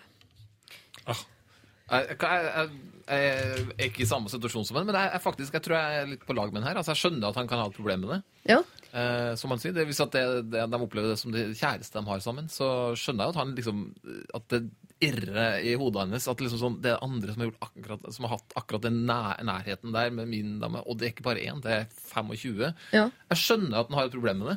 Ja, men det er jo ikke sikkert at hun har hatt et sånt nært opplegg til alle de 25. Nei, altså, Men det er ikke det han tenker, da. Han ja, tenker, men han må jo skjønne det at det ikke er aktuelt. Ja, men Det er lett å si. Jeg tror han skjønner det, men jeg tror han jobber med å, liksom, å være komfortabel med det. Og det er jo liksom litt der vi skal prøve å, å hjelpe ham, tror jeg. ja. For han vil jo gjerne være komfortabel med det. Ja. Og jeg tipper det tallet ikke er så viktig heller. Jeg tipper han i utgangspunktet har problemer med at det vi deler, har du faktisk delt Ja. før. Hva gjør dette da unikt og spesielt, og hvordan kan jeg tro på det? Ja, nei, da må man jo prate sammen, da. Og se hverandre inn i øynene og alt det greiene der. Altså, det er- Hvis man øh, har den kontakten nå, Ja. Så betyr jo det at det er bra. Og så, og så er det ikke noe vits å gå og prøve å tenke på om hun hadde den kontakten med alle disse andre. Da blir du Marit Larsen, da, som eh, klikker på at det har vært et tidligere forhold der. ja. Nei, altså jeg tenker jo hvis, Selvfølgelig hvis hun har vært 25 Rar referanse, kanskje? Ja, Ja, for nei, hun har blitt, eh, Ingenting hun skriver, er jo visstnok sannheten. Det sier jo den eh, forskningen. Så Hva? Er det bare løgn? Det er bare løgn. Nei, da er jeg ikke mer. Ja. Hva skulle du si. Linnea? Eh, Nei, altså Hvis hun hadde hatt 25 kjærester hvor hun hadde hatt en intime forhold med og, hatt, og elska, ikke bare hatt sex, så er jo da hadde man kanskje kunne begynt å blitt litt mistenksom eller litt sjalu. eller sånne ting. Men hvis det bare er snakk om one night stand, så er jo det noe helt annet enn å, å, ha, å ligge sammen uh, når man er kjæreste. Han har jo ligget, hun har jo ligget seg fram til han. Det er jo det hun Det er en fin måte å tenke på. Tenkt litt sånn at uh, altså, han nå, har, nå, har slått, nå, har, ja, Ja, sant, nå har hun slått seg til ro med han. Men han kommer helt, altså Det høres ut som en sånn samlivsterapeut, men han kommer til å trenge litt tid og få bygge, bygge enda mer sånn selvtillit i forholdet. Da tror Ja. jeg det tar, bare- det tar bare bitte litt tid. Uh, så tror jeg han uh, blir mer og mer komfortabel med det. Ja, for hun har brukt elimineringsmetoden. hun. Ja. Hun har brukt elimineringsmetoden hun, for å komme virker fram som ja, Det er ikke sikkert at dette har vært en sånn der, en jobb som hun har liksom gått til verket og bare sånn OK, da, ja, greit, da krysser jeg han av lista, og så tar vi neste. Og Han var ikke den rette. Han var ikke. Men en ting som jeg vil repetere, som ble sagt såpass tidlig i mailen at man fort kan ha glemt det, eh, er at han har hatt to lange forhold på ca. fem år bak seg. Det er resultatet. Det er verre, spør Ja, men. Da er det lite ligging utenom. Da er det ti år med fast partner. Hun har hatt masse korte forhold. Det er klart at hennes antall partnere vil være høyere enn hans. Nå har, hun har jo uh, levd singelliv i større ja, grad enn det han har. det sier jo litt uh, for hennes del. Du tenker sånn der Å ja, har du elsket to før meg? Ja. Altså, det, det er nesten hardere, Ja, syns jeg jeg. også Altså, synes det. Er det liksom, å ja, du har liksom vært så intim og, og nær med to andre. Hvor, hvor lett tar du på det her, egentlig? Ja. Mens eh, akkurat det med sex trenger jo ikke å være så nært, men det kan være veldig nært hvis det plutselig stemmer veldig bra. da. Ja. Jeg tror han det må dreie tankene sine dit. Altså, at uh, tydeligvis betyr sex forskjellige ting for dem. Man opplever det nå som mekanisk. Jeg, jeg syns synd på Ja, Det er veldig kjipt han. å ha det sånn, men han må jo på en måte prøve å vri hodet sitt rundt av det faktum at sex kan være flere komme i flere valører. da. Altså Det må ikke være utrolig eh, intimt og flott hver eneste gang. Nei. Jeg tror man skal prøve å bare sette pris på det de har nå, og ikke tenke på hva hun har gjort tidligere, fordi det er jo litt eh, irrelevant. Ja. Og selv om det er ferskt, så tenker jeg at eh, jeg syns det er litt hennes oppgave å gjøre han trygg på at det de har sammen, er unikt. Hvis han er av typen som har problemer med hennes fortid, så må hun være med på å gjøre han trygg. Men han kan også ta noen steg i det forholdet, selv om det er tidlig, som gjør at de faktisk har noe som ikke hun har opplevd før. Jeg bare, jeg, dette har jeg sagt tusen ganger, men jeg var ekstremt fortidssjalu eh, før når jeg ble sammen med min eh, lokfører. Jeg, jeg, jeg likte ikke at han hadde hatt kjærester før. jeg, jeg orket liksom ikke tanke på Hver gang han sa noe til meg, tenkte jeg sånn det har du sagt til noen andre. Jeg var veldig opptatt av å bli, uh, oppleve det som unikt. Da. Så han var, var flink til å gi sånn komplimenter til meg om at 'dette har jeg aldri opplevd før', og 'dette er noe annet', og venner han sa det og sånn. Uh, men det gikk så innmari over når vi fikk barn, for da tenkte jeg sånn Fuck you all. Dette er det bare jeg som har fått. Og jeg anbefaler ikke her å, å få barn for at følelsen skal bli borte, men bare det at jeg tenkte at jeg har kommet lenger med han enn han har gjort med noen andre damer, ga meg en trygghet på at eh, det er det vi har sammen, større og bedre enn det han har hatt med de andre. Så vi Så må bare- bare si det er den største penisen jeg har sett. For eksempel. Er Aller største tissen jeg Og har den sett. beste. Jeg vet ikke, hun må gi han noen sånne liksom, komplimenter på at dette er noe annet og dette er spesielt. Og sånn, og så kan jo han også eh, legge seg litt i tøylene for å få det forholdet til et sted hvor ikke noen av de har vært før. Da, Ja, for må hun, Han må også tenke at hun har også altså Det kan være en sånn tankeøvelse for han. Altså, hun, han må tenke at hun har i hvert fall grunn til å være sjalu, som dere var så vidt inne på. Han har jo vært sammen i fem år. Ja. Det tar jo opptil fem år før hun, øh, hun har matcha hans eks. Og det er jo liksom sånn, Hvis han kan liksom sånn se for seg at hun også har grunn til å være sjalu, så blir det kanskje litt lettere. Han har antakeligvis hatt sex mange flere ganger enn det hun er. Ja. Hun har bare hatt sex sånn kanskje 30 ganger. Ja. Ja, Pluss at hun kan tenke sånn Å ja, så hyggelig at vi er kjærester. Men du bodde med eksen, så innmari glad du var i hun. Altså, ja, Kanskje han skal prøve å snu på det sånn, selv om ikke det er helt rasjonelt, men Som en øvelse. som en slags Så må øvelse. man, må man skjerpe seg litt. Altså, Sjalusi er veldig vanskelig, men man, i bunn og grunn må man bare skjerpe seg litt og ikke være så innmari fin på det. Ja. Ja. Eh, kjære teite romantiker, du kaller deg det selv. Eh, skjerp deg lite grann. Eh, og jeg sier det også til damene. Skjerp dere lite grann, begge to. Legg dere litt i tøylen for eh, å få dette forholdet her til å oppleves som unikt, sånn at du glemmer hennes partnere, og sånn at hun også, hvis hun helt har tenkt på det, glemmer at du faktisk har hatt ting som har vart lenger enn det dere har eh, før. Dette må jobbes eh, gjennom, og hvis sexen oppleves som mekanisk, ja, så får du bringe et eller annet nytt element til bordet. Da. Det trenger ikke være et fremmedelement, men få på noen nye greier, da. Altså Bare fortsett, du, Siri. Ja, jo, men har Bare spør hun dama. Hva, er det noe Lei- spennende dere gjorde, eller? De 25 andre? Lei en eller annen bok på Deichman, da, som eh, et eller annet, finn på noe liksom, som du tenker at den ikke har opplevd før. Eh, Det er deres oppgave sammen å gjøre det dere har, til noe spesielt og til noe unikt. Fortell meg hvordan det går. Jeg er nysgjerrig. Ikke i detalj nødvendigvis, eh, men litt sånn overordna. Kommer du deg gjennom det? Har du snakket med henne om det? Eh, Hvordan har dere det nå? Eh, Skal dere flytte sammen? Og i det hele tatt. Bruk samme mailadresse som du sendte problemet til, så blir jeg glad. lralfakrøll.nrk.no. NRK P3 Blood Command med sin High Five for Life, og før det Lido som da sier I love you, som jo er en hyggelig ting eh, å si. Vi skal ta et eh, kjapt problem, kort problem fra Synnøve her. Her står det. Kjære Lørdagsråd, jeg har et problem. Jeg er student. Nå i sommer flyttet jeg inn i ny leilighet sammen med én jente, min aller beste venninne fra vi ble født, og én gutt, vår felles gode venn, og min ekskjæreste. Ja, jeg bor sammen med eksen. Ja, vi har begge hatt kjærester siden. Nei, det er ingen følelse mellom oss. Nei, det kommer aldri til å bli oss igjen. Og det er vi begge enige om. Men mitt problem er når skal jeg fortelle gutter jeg dater at jeg bor sammen med eksen min? For jeg må jo fortelle det. Og hvordan skal jeg fortelle det? På forhånd takk, med vennlig hilsen Synnøve. På akkurat samme måte som hun fortalte i mailen. Ja. Man Det er en perfekt måte. Bare dele ut den mailen der. Print ut og, og kopiere opp i sju eksemplarer. Små sånne uh, buttons kunne hun lagd. Ja, jeg bor Ja, sammen jeg bor med eksen. eksen. Ja, jeg bor med eksen min. En T-skjorte. Det var syns sikkert det er litt vanskelig å, liksom, å, å, å legge inn den lille informasjonsbiten om seg sjøl uten at det sånn vedkommende blir mindre interessert. sant? Ja. Men hun må gjøre det på en litt morsom måte. Du, hva er den verste fyren jeg kunne ha bodd sammen med? Så Ja. Nei, altså, uh, kan du si sånn Ja, skal har du lyst til å være med meg hjem og hilse på eksen min? ja. Altså, uh, bare, Hei, hvorfor det? Nei, jeg bor sammen. Ja, mm, ja. Selvfølgelig så. Tilfelle det ikke funker med deg. Backup. Alltid deilig med backup. Du må alltid ta backup. Du må bare vite at det er faktisk sant, da. Det at det ikke er mulighet til å uh, sånn return-greier. For det, det skjer jo de rareste ting i de der kretsene der. Men Ja. hvor gammel var hun? Det står det ikke noe om, men student bor i kollektiv. Ikke for å Tipper rundt 40 år, ja. Ja, men, men altså, eh, for, altså Spørsmålet er jo Har man vært kjæreste når man, når man har vært 16 år, liksom, så er jo det på en måte en veldig ferdig fase av livet. Men når man er i 20-åra, så er det jo alltid en mulighet, eh, tenker jeg. Ja, det er vel det De sier at det ikke er en mulighet for å bli sammen. Men selvfølgelig er det en poten, men det er jo en mulighet for å bli sammen med venninna si òg. Så den er Ok, Skal vi bare late som vi tror på henne, da? Ja, men Ja. det er det, hvordan skal hun få da disse typene hun dater, til å tro på det? Fordi hvis hun gjør et stort poeng ut av det, så si, tror man jo ja, ikke noe på det. Du må si det at er vi jo sammen var 14.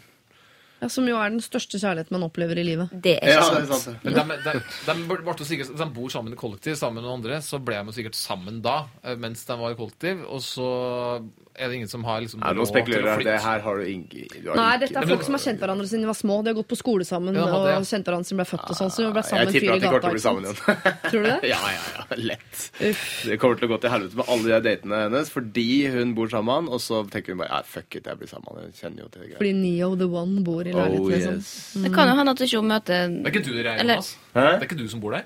Nei, jeg bor alene.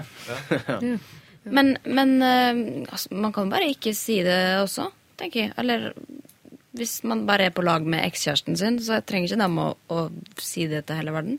Nei, for jeg tenker sånn, på, en eller annen, på et eller annet tidspunkt så går det ut på dato det der med at vi er ekskjærester. På et eller annet tidspunkt så må ekskjærester få lov til å gå over i Han er en kompis av meg. Ja. Jeg bare tenker sånn, Hvis man ikke sier noe i det hele tatt, så er det ikke å ljuge. Men da synes jeg bare Den dagen det kommer opp, for det kommer jo opp på et eller annet tidspunkt, Ja, det kommer så må hun på jo legge det fra som Hei, jeg har ikke ljugd. Det bare er for, så ubetydelig for meg at jeg har ikke liksom tenkt på å legge det fram engang. Det er en kompis av meg. Ikke så greiene. pff, Tenker jeg ikke på. ja, Det er litt rart å bo med eksen.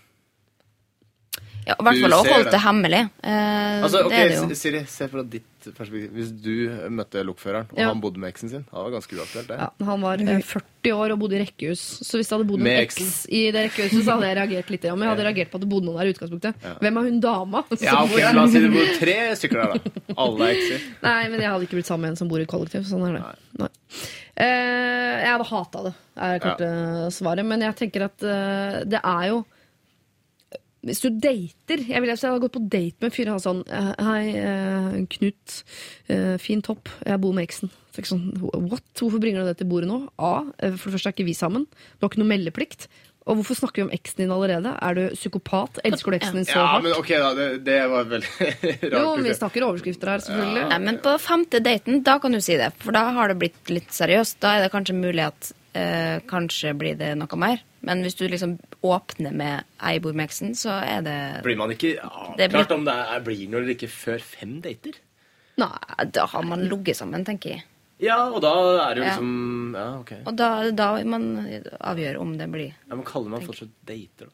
ja. Jeg vet ikke. Ja, okay. Man kan date etter at man har knulla. Ja. Kan man? Ja. Ja, ja. jeg synes det. Ja, Ja. ja. Jeg var på date med lokføreren i forgårs.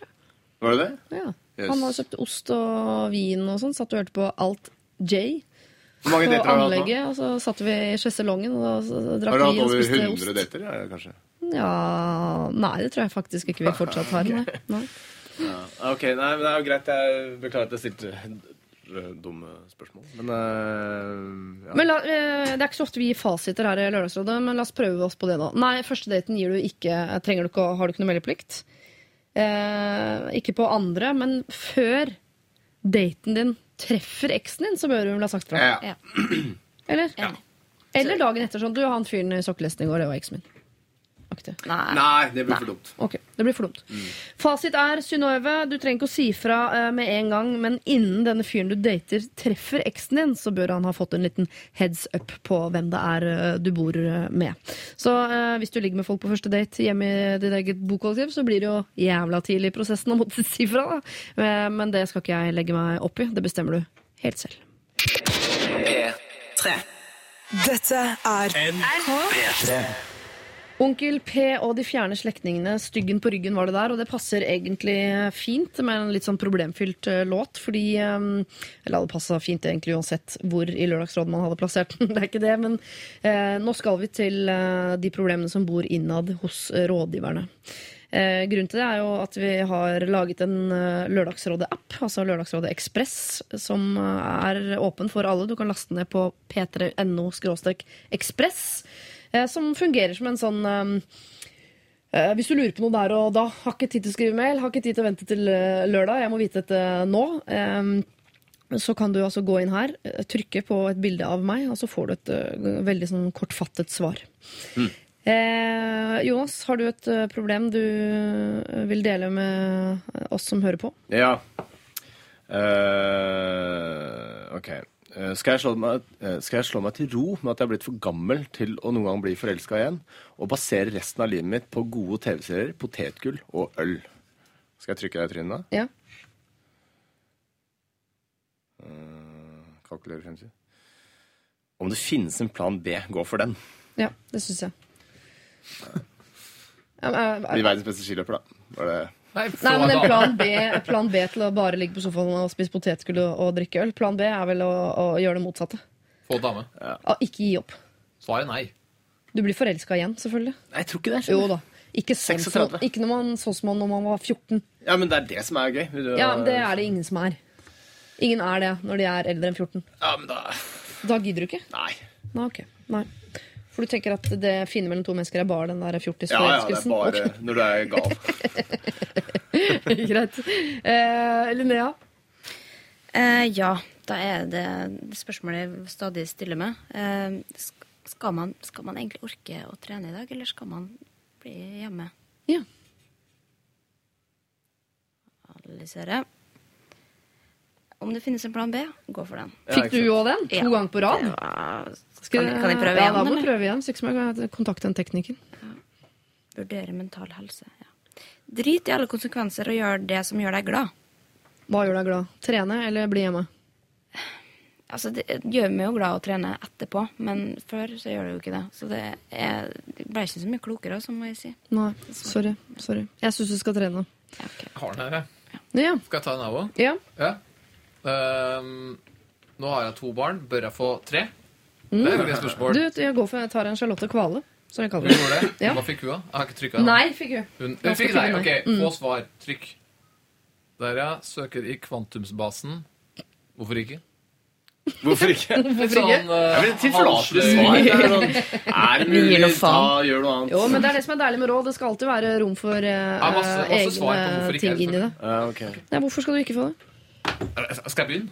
Ja. Det er massevis av grunner. Det er jo Du må få større bil, det ja, større tre bil, større hus. Da koster det mer penger. Enda lenger til liksom sånn Vi bare kan stikke på en helgetur til eh, Berlin når vi vil. skjønner du? Ja, men tenk så hyggelig det er med et barn til. Men hvorfor, ja, nettopp. Der har du svaret Men hvorfor ikke? Ja, Hvorfor ikke? Ja, nei, men, ok, Takk for det. Mm, vær så Jeg veit ikke hvor hyggelig det er med barn, men jeg har hørt det er veldig populært. Det funker, altså. Midt på. Midt på. Eh, dette her er en app du kan laste ned hvis du lurer på om du skal gå for kort eller langt kjørt i kveld når du skal ut på byen. Eh, eller andre større og viktigere ting. Eh, vær så god, sier jeg bare. Vi skal høre Lido med sin I Love You her i Lørdagsrådet. Eh, og så kommer vi tilbake med flere problemer.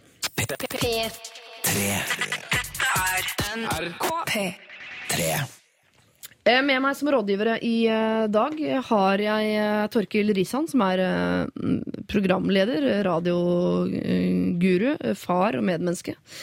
Ikke se så skeptisk ut, eh, Torkil. Fine beskrivelser, der. Det, det, jeg kan stille meg bak akkurat dem. Ja. Jeg syns ikke du så så skeptisk ut. Nei, jeg lytta, egentlig. Å, ja, men jeg, jeg har sånn default, Ikke se så lytten ut. Jeg default sinna utseende, dessverre. Ja. Det blir ofte feil mottatt. Ja. Jeg er et produkt av det der sjøl. Eh, Linnea, som er jo Jeg sier forfattere. Du har skrevet en bok og er, du har skrevet to bøker, selv om den andre ikke kommer ut før om noen uker. Så har du jo skrevet den. Ja, ja, Ja. greit. Så er du forfatter og danseløve. Eh, og eh, Jonas Kinge Bergland, som er komiker, men også lege. Ferdig utdannet, eh, jobbende fastlege Mm. der ute i samfunnet. Eh, det er vel et problem her som eh, vi må ta i dag, mest fordi du er her, Jonas. Ok. For det er en her som eh, skriver inn dette. Jeg sitter her med et problem som gjør vondt langt inn i den etiske hjerterota. Jeg har klart å bli forelsket i min fastlege, og det er gjensidig. Det er mange faktorer som gjør at dette ikke er et umulig prosjekt, men det faktum at jeg er hans pasient, er det absolutt største hinderet. Han er singel, omtrent like gammel som meg. Han jobber i distriktet, men bor i samme by som meg. Vi har naturlig nok god kjemi og har møttes flere ganger utenfor arbeidsstedet hans. Altså i roller hvor vi ikke er lege og pasient, men kun to unge folk som liker hverandre. Hva nå? Jeg hadde en lang stund en sykdom som krevde tett oppfølging, noe som gjorde at vi så hverandre ofte. Dette er ikke tilfellet lenger. Han er interessert i å ta dette et skritt videre, men det kan vi ikke så lenge jeg er hans pasient. Jeg er 100 sikker på at han ikke har for vane å innlede forhold til pasientene sine, og jeg har aldri følt meg utnyttet etter at han har brukt sin rolle og tittel til å eh, forføre meg. Hvilke muligheter har jeg for at vi kan beholde forholdet, og han skal beholde sin jobb også? Bytte fastlege er skritt én. Vi kan tråkke varsomt også, men det kan bli problematisk i lengden å skjule dette for venner og familie. Han kan sikkert bytte jobb fordi det inngår i spesialiseringen, men han har, eh, men han har planer om det på sikt. Hjelp! Jeg får hjerteflimmer av dette, og det blir ikke noe bedre av å gå til legen med det akkurat. Med en hilsen hjertesyk. Jeg må innrømme at eh, jeg ikke ser helt er et, Hvorfor er dette et problem, Jonas? Juridisk sett så er det et problem for han. Ja. For at eh, han kan ikke inngå et forhold til pasientene sine uten å miste lisensen. Så Men er det noe dato Altså, Hvis hun bytter fastlege, kan de da innlede et forhold uken derpå? Eh, det vil jeg tro. Jeg vet ikke helt jussen i det. Men uh, hun må bytte fastlege. Det vet du, Jonas. Det har du sjekka opp noen gang. Nei. Du lurer ikke oss med det der gliset der. Jo, jeg har lurt mange med det gliset der. Um, Men jeg trodde ikke man kunne bli forelsket i pasientene sine. For dette er jo det dere sier til oss uh, når vi syns det er ekkelt å kle av oss hos legene. Sånn, vi ser ikke kropp eller mennesker, for oss er det bare jobb. Men hvis dere kan bli forelsket i noen, så kan dere vel også avsky noen? de bor på noen? samme sted og er uh, omgangsvenner. Du. Ja. Så det er noe annet. Ja, men jeg De får har, de inntrykk har av ikke blitt forelska på legekontoret, har de det? Jo, jeg får inntrykk av det. Ja, vel. Har det du er noen gang eh, følt attrå mot eh, en pasient, eh, Jonas? Nei. Altså, Man kan jo se at en eh, jente er søt, liksom. Men du tenker jo ikke noe Da tar du mer over det. brystsundersøkelse uansett hvor hun har vondt, ikke sant? Men hvis hun hadde prøvd, Nei, hvis hun hadde hva? prøvd seg, da? Nei, det hadde eh, Jeg har jo fått eh, altså, Det må du ha fått. Du er en meget vakker, fremadstormende komiker som også er lege. Hvis ikke folk prøver seg på kontoret der, så er det noe opp. Eh, nei, jeg har fått uh, noen henvendelser uh, som jeg bare da ikke har svart på. Ja. Og så har jeg ved neste konsultasjon eh, ikke snakka om det, men liksom eh, gått Profesjonelt. Så du tar ikke sånn strafferektalundersøkelse på folk som prøver seg sånn? Nei, altså det Nei, jeg gjør ikke det. Veldig lite personlig agenda inn i det systemet der. Bra. Men uh, som sagt, jeg vet ikke akkurat uh, jussen i hvor lang tid uh, de ikke har et sånn lege-pasient-forhold før de kan være privat eh, engasjert i hverandre. Men um, Men hun er bekymret for venner og familie. Det er vel ikke det verste? Det er vel mer overfor hans det, er, det kan fort eh, omformuleres til en romantisk historie, kan det ikke det? Ja, når vi kjøper det, altså jeg kjøper den historien der, så kjøper vel andre det, tenker jeg. Ja, Det er mest hans sjefer som er problemet, på en måte. Ja, jeg ser ikke problemet her i det hele tatt. De bare ligger lavt i terrenget, og så får man bare skifte lege, og så om et halvt år så kan man Det har skjedd rarere ting. Ja. Ja, ja herregud. Eh, hva heter han filmskaperen som er sammen med adoptivdattera si? Jeg vil påstå at det er eh, rarere. Woody Allen. Ja, Woody Allen. Herregud, en møkkete gammel mann. Eh, kjærlighetssyk. Du har funnet en fyr som du liker. Han liker eh, deg, og det største problemet dere må om er at du må bytte fastlege. Det driver folk med hele tiden. Eh, har du kan noe gjøre det på ledig fastlege? Er du fullbooka, Jonas? Nei, jeg tror det bare er å bytte over til Ja, En som er fullbooka, er vel Jørgen Skavlan, så vidt jeg vet. Ja, Der det er ute. så til de grader fullbooka. Overbooka fyr. Eh, så ikke det, men en annen fastlege, det, det er ikke vanskelig. Altså, jeg har gjort det der 100 ganger. Det er en nettside. To klikk, og så har du bytta fastlege. De sender over papirer. Er Ikke Gjør noe det å på tenke på. Altinn, tror jeg. Nei, jeg er det. Nei, Ja, du tror jeg er linka til det der. Ja, Gå på fastlegedataen din. Ja, det kan du sikkert gjøre, Ja, gjør det, Mm, gjør det, gjør det, gjør det. det er masse flinke leger der ute. Eh, men bare vit med deg selv at du er ikke noen som blir forelsket i alle legene du går til. For det er veldig lett å bli forelska i legen sin fordi de er så innmari opptatt av du har det bra, og har du vondt, går det bra med deg. Pluss at de ofte er pene i huden og, er opptatt av sin egen kropp osv. Så, videre. så det er lett å gå i den fella der. Bare pass på at det ikke er det. Sånn at du også blir forelsket i din neste lege. Alt Jeg- alltid, alltid de nye sosiale mediene, så du kan liksom bli adda av eh, vakre damer. Du, kan bli, altså du, Jonas, kan bli adda på alltid nå av eh, skikkelig flotte nye er derfor jeg sa det. kvinner. Ja, det var det, jeg Ja, oppfattet det du sånn. skjønte det. Du finner oss på alltid, altså. Det, Jonas Kinge Bergland der. så- den er blunka med ene øyet? Masse ledig, som du sa. Men man må tenke litt over at det, man, man må ta i betraktning at det er jo litt gøy med litt forbudt kjærlighet også. At de gjør noe som egentlig ikke er lov. Ja. At det kan spille litt inn på liksom, romansen. At ting blir kjedelig med å ha hun Ja. bytter fastlege? Ja, jeg skjønner at det er i hvert fall gøy for henne som ikke det får noen konsekvenser for, men han kan jo miste jobben sin, og så må han gå med avisen i kommunen der det bor, og da er det ikke sikkert at det er så gøy lenger. Utrolig kompetent avisbud, da. Ja, som ja. kan hjelpe til på andre ting også. Ja, Hvis noen blir syke på morgenen der når de bøyer seg ned for å hente avisen, f.eks. Mm. Eh, du, bytt fastlege, da. Eh, og så eh, går du hardt inn for å jage kjærligheten. Og vips, i løpet av noen måneder så er jeg sikker på at dere kan leie offentlig rundt i gatene og feire jul sammen. Det er ikke måte på hvor ikke bra det greiene der kan bli. Dere må bare finne opp en litt sånn eh, fake historie rundt eh, hvordan dere møttes, som jo venner og familie ikke kommer til å kjøpe. Men så lenge arbeidsgiveren hans gjør det, ja, så føler jeg vi er innafor, altså. NRK P3 Donkeyboy synger 'Crazy Something Normal', og det er egentlig en fin overskrift på eh, morgenens siste problem eh, her med gjengen. Torkil, Linnea og eh, Jonas. Hei, Lørdagsrådet. Jeg er en jente på 22 år som har havnet i en veldig ukomfortabel situasjon. Jeg bor med en venninne, og vi har hatt samme vaktmester over tre år. Han hjelper oss eh, med en gang det er noe, har jeg alltid sett på han som en slags hyggelig bestefar. Han er over 60 år gammel. For noen måneder siden var han her for å fikse noe på badet, og etter eh, han hadde gått, sendte han en melding til meg og kom med masse komplimenter. Han sa at jeg alltid var så blid og hyggelig, og at jeg skulle ta det til meg. Jeg syntes det var litt rart, men takket og sa at det var hyggelig. Noen uker senere var han her igjen og sendte en lignende melding etterpå. Forrige uke ble vi enige om at han skulle komme innom og fikse vaskemaskinen. Da sendte han en ny melding om at eh, jeg har gjort inntrykk på han, ettersom han hadde en drøm om meg for litt siden. Han sa også at jeg måtte si fra om han ble for frekk, men jeg sa at det gikk bra, uten å tenke noe særlig over det. Da tikket denne meldingen inn. Hva hvis jeg sier at jeg ga deg varm oljemassasje i drømmen? Smilefjes. Jeg ble helt satt ut. Den der hadde jeg ikke sett komme. Han er over 40 år eldre enn meg, så jeg svarte at han hadde gått over streken, og at det ble litt mye. Da svarte han at han skulle stoppe. Dette er en fryktelig ubehagelig situasjon. Vi har jo behov for en vaktmester ved jevne mellomrom, og utleiefirmaet har flere vaktmestere, men det er han her som har ansvar for vår bygård.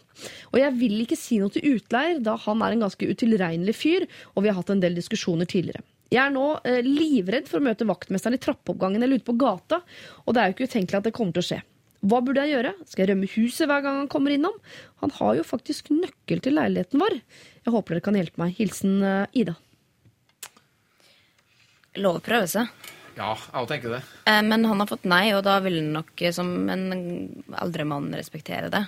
Så man trenger ikke være redd, men selvfølgelig det er jo ubehagelig. Ja, altså Neste gang det kommer en sånn melding, så er det bare å si at uh, du, dette her eh, er veldig rart. Eh, Slutt å sende sånne meldinger. Jeg driver og dater en annen fyr som eh, Men, men det kommer jo ikke flere sånne meldinger. Han har jo sagt at, han, at var, han var ferdig med det. Eller i og med at hun sa at dette er- går ikke, liksom. Ja, for så langt har begge to gjort alt riktig. Han har lov Ja. å prøve seg. Det, det er ikke noe aldersgrense, eller det er det jo selvfølgelig, men eh, hun er over den. Eh, og hun har sagt fra du har gått over streken, dette er ikke greit. Og så fram til han ikke sender flere meldinger, så har egentlig alle sitt på det rene. Det eneste som er igjen, at hun er litt ukomfortabel med å få vaktmester på besøk. Ja. Men Og det kanskje kan hun man jo leve med. Ja. Men eh, hun bor jo sammen med Anna, gjør hun ikke det? Jo. Kanskje hun tar seg av alle vaktmesterting, da? Jo, men jeg tror også hun syns det er litt ubehagelig at selv om han virker som en ryddig fyr, som ja, han har prøvd seg på en 40 år yngre dame osv., og, så videre, og han har sagt han skal slutte, og han gjør antageligvis det Han har nøkkel til leiligheten. Jeg ville vært ukomfortabel med det. Men han Nei, det, det må ikke Det være. er en mann der ute som har nøkkel til leiligheten min, som så- syns at jeg er over middels tiltrekkende. Det er en mann som Ja, har det- Det er det til meg òg, helt sikkert. Ja, Ja. Vaktmesteren har jo nøkkelen til leiligheten min nå. Jo, man har jo så langt ikke prøvd å, å, å Men han er jo ikke har ikke drømt at han har massert deg med varme oljer. Det vet jeg Nei, ikke. men det han, det... Nei, men det, var bare et sånn slags uh, Sjekking. fjollete forsøk på å sjekke deg på litt avstand. Ja, ok, ja, Da er dere rausere enn meg. Jeg ville hatt uh, Jeg ville synes det var Ja, fort gjort å gå Ja, men skal han miste jobben sin da, altså. fordi at han uh, Nei, men han kan vel jobbe i en annen bygård? Ja, ok da. Ja, altså, men hvis hun ikke vil ha han til stede, så må hun, må hun jo bare si fra til, øh, til sier. Eh, Men hvis ikke, så må hun bare finne side, da, eller og legge ansvaret på hun som hun bor sammen med. Ja, for jeg synes alltid er sånn Ja, det blir kleint å møte en trappeoppgang på gata. Så selvfølgelig, Det er kleint Det er kleint uansett om man er gammel eller ung. eller hva søren Det er alltid kleint hvis det er noen som vil, og noen som ikke vil. og sånn Det er det at han har nøkkel til leiligheten jeg har slitt med. Jo, men han er jo ikke, han er jo ikke gal. Han er jo bare en vanlig fyr som allerede har satt OK, greit, jeg har prøvd med. Han kan være like gæren som alle andre, han. Hvorfor, det? Altså, hvorfor skal vi gå ut fra at folk er gæren? Ja, men- Hvis du skal gjøre det, så må du jo være redd hele tiden. da. Ja. Det kan du, det har Men da må du jo være til. redd for at noen skal knuse vinduet ditt og bryte seg inn òg. Du er sikkert mer sannsynlighet for det, tenker jeg. Altså, Det er jo ikke mange som, som ville ha lagt an på folk som er 40 år yngre enn seg. Så det er liksom det eneste at det er kanskje litt vel, det at han har gjort det. Men utover det så har han jo vært ryddig, får jeg inntrykk av. Ja, og selv om man kan godt si sånn Ja, han kan være, de, de kan være redde for at noen skal knuse ruta, men det kan man ikke gjøre noe med. Men man kan vel på et eller annet tidspunkt gjøre noe med at noen har nøkkel til leiligheten. Det er Ja, okay, ok, men Da kan hun si at det er greit, eh, du er den eneste Da må hun si sånn, sende en melding, da. Eh, Jeg vet at du har nøkkel til leiligheten. Eh, Hvis det skjer noe her, sånn, så vet alle at du er den eneste som har nøkkel til leiligheten, så du må få det til å se ut som et innbrudd. Men da så- gjør hun noe ut av det. Altså, Ja. På et tidspunkt så Ja, da er hun gal, og da Det trenger hun ikke være. Nei, men Da syns jeg hun, hun gjør mye Da blir det mye verre å møte henne etterpå. Ja, absolutt. Så, så liksom det, bare er, det, det det her var et ironisk tips, da. Men eh, Ja, okay. ja. Ja, ja. Det fins jo si fram ironi på forhånd. Ja, jeg tenkte at det var så tåpelig at eh, dere skjønte at det var ironi. Nei, nei, vi skjønner ikke Nei, ironi. greit. Nei. Greit. Eh, det, hun bør uh, ikke si det som jeg sa. eh, altså Man må slutte å ødelegge alle tingene sine. Altså, Vi trenger ikke vaktmester. Det er ikke så vanlig å ha besøk av vaktmesteren flere ganger i måneden. altså. Nei, for det er godt råd sånn øh, Klar å skifte lyspære sjøl, Ja. et udugelig kvinnemenneske. Kan man si. Men han har nøkkel. Jeg bare, jeg, Jeg må si, jeg vil Siri, det er jeg- men det er vanlig at vaktmesteren har nøkkelen til alle er det vanlig? Ja, vaktmester kommer seg inn. Vi har ikke vaktmester i der hvor jeg bor, så vidt jeg vet. De har jo sånn universalopplegg. vet du hva? Så kan liksom, tilfelle det Nei, skjer men noe. de skjer det ting lov. hele tiden? Hvis du Altså. låser deg ut av leiligheten din, hva, hva gjør du da? Da ringer du vaktmesteren. Sånn, i hvert fall der jeg bor. Ja. Så, så jeg synes det Gjør det? Ja, men hva er det hun er redd for med vaktmøtet? At, at den skal gjøre, det? Skal, at den skal komme inn og legges i senga hennes, liksom? Ja, sitter og runker Ja, men- i badekaret hennes, eller Jo, men da blir jo altså, da, er, da Ja, men hvis ikke hun vet det, så er jo det greit. Altså.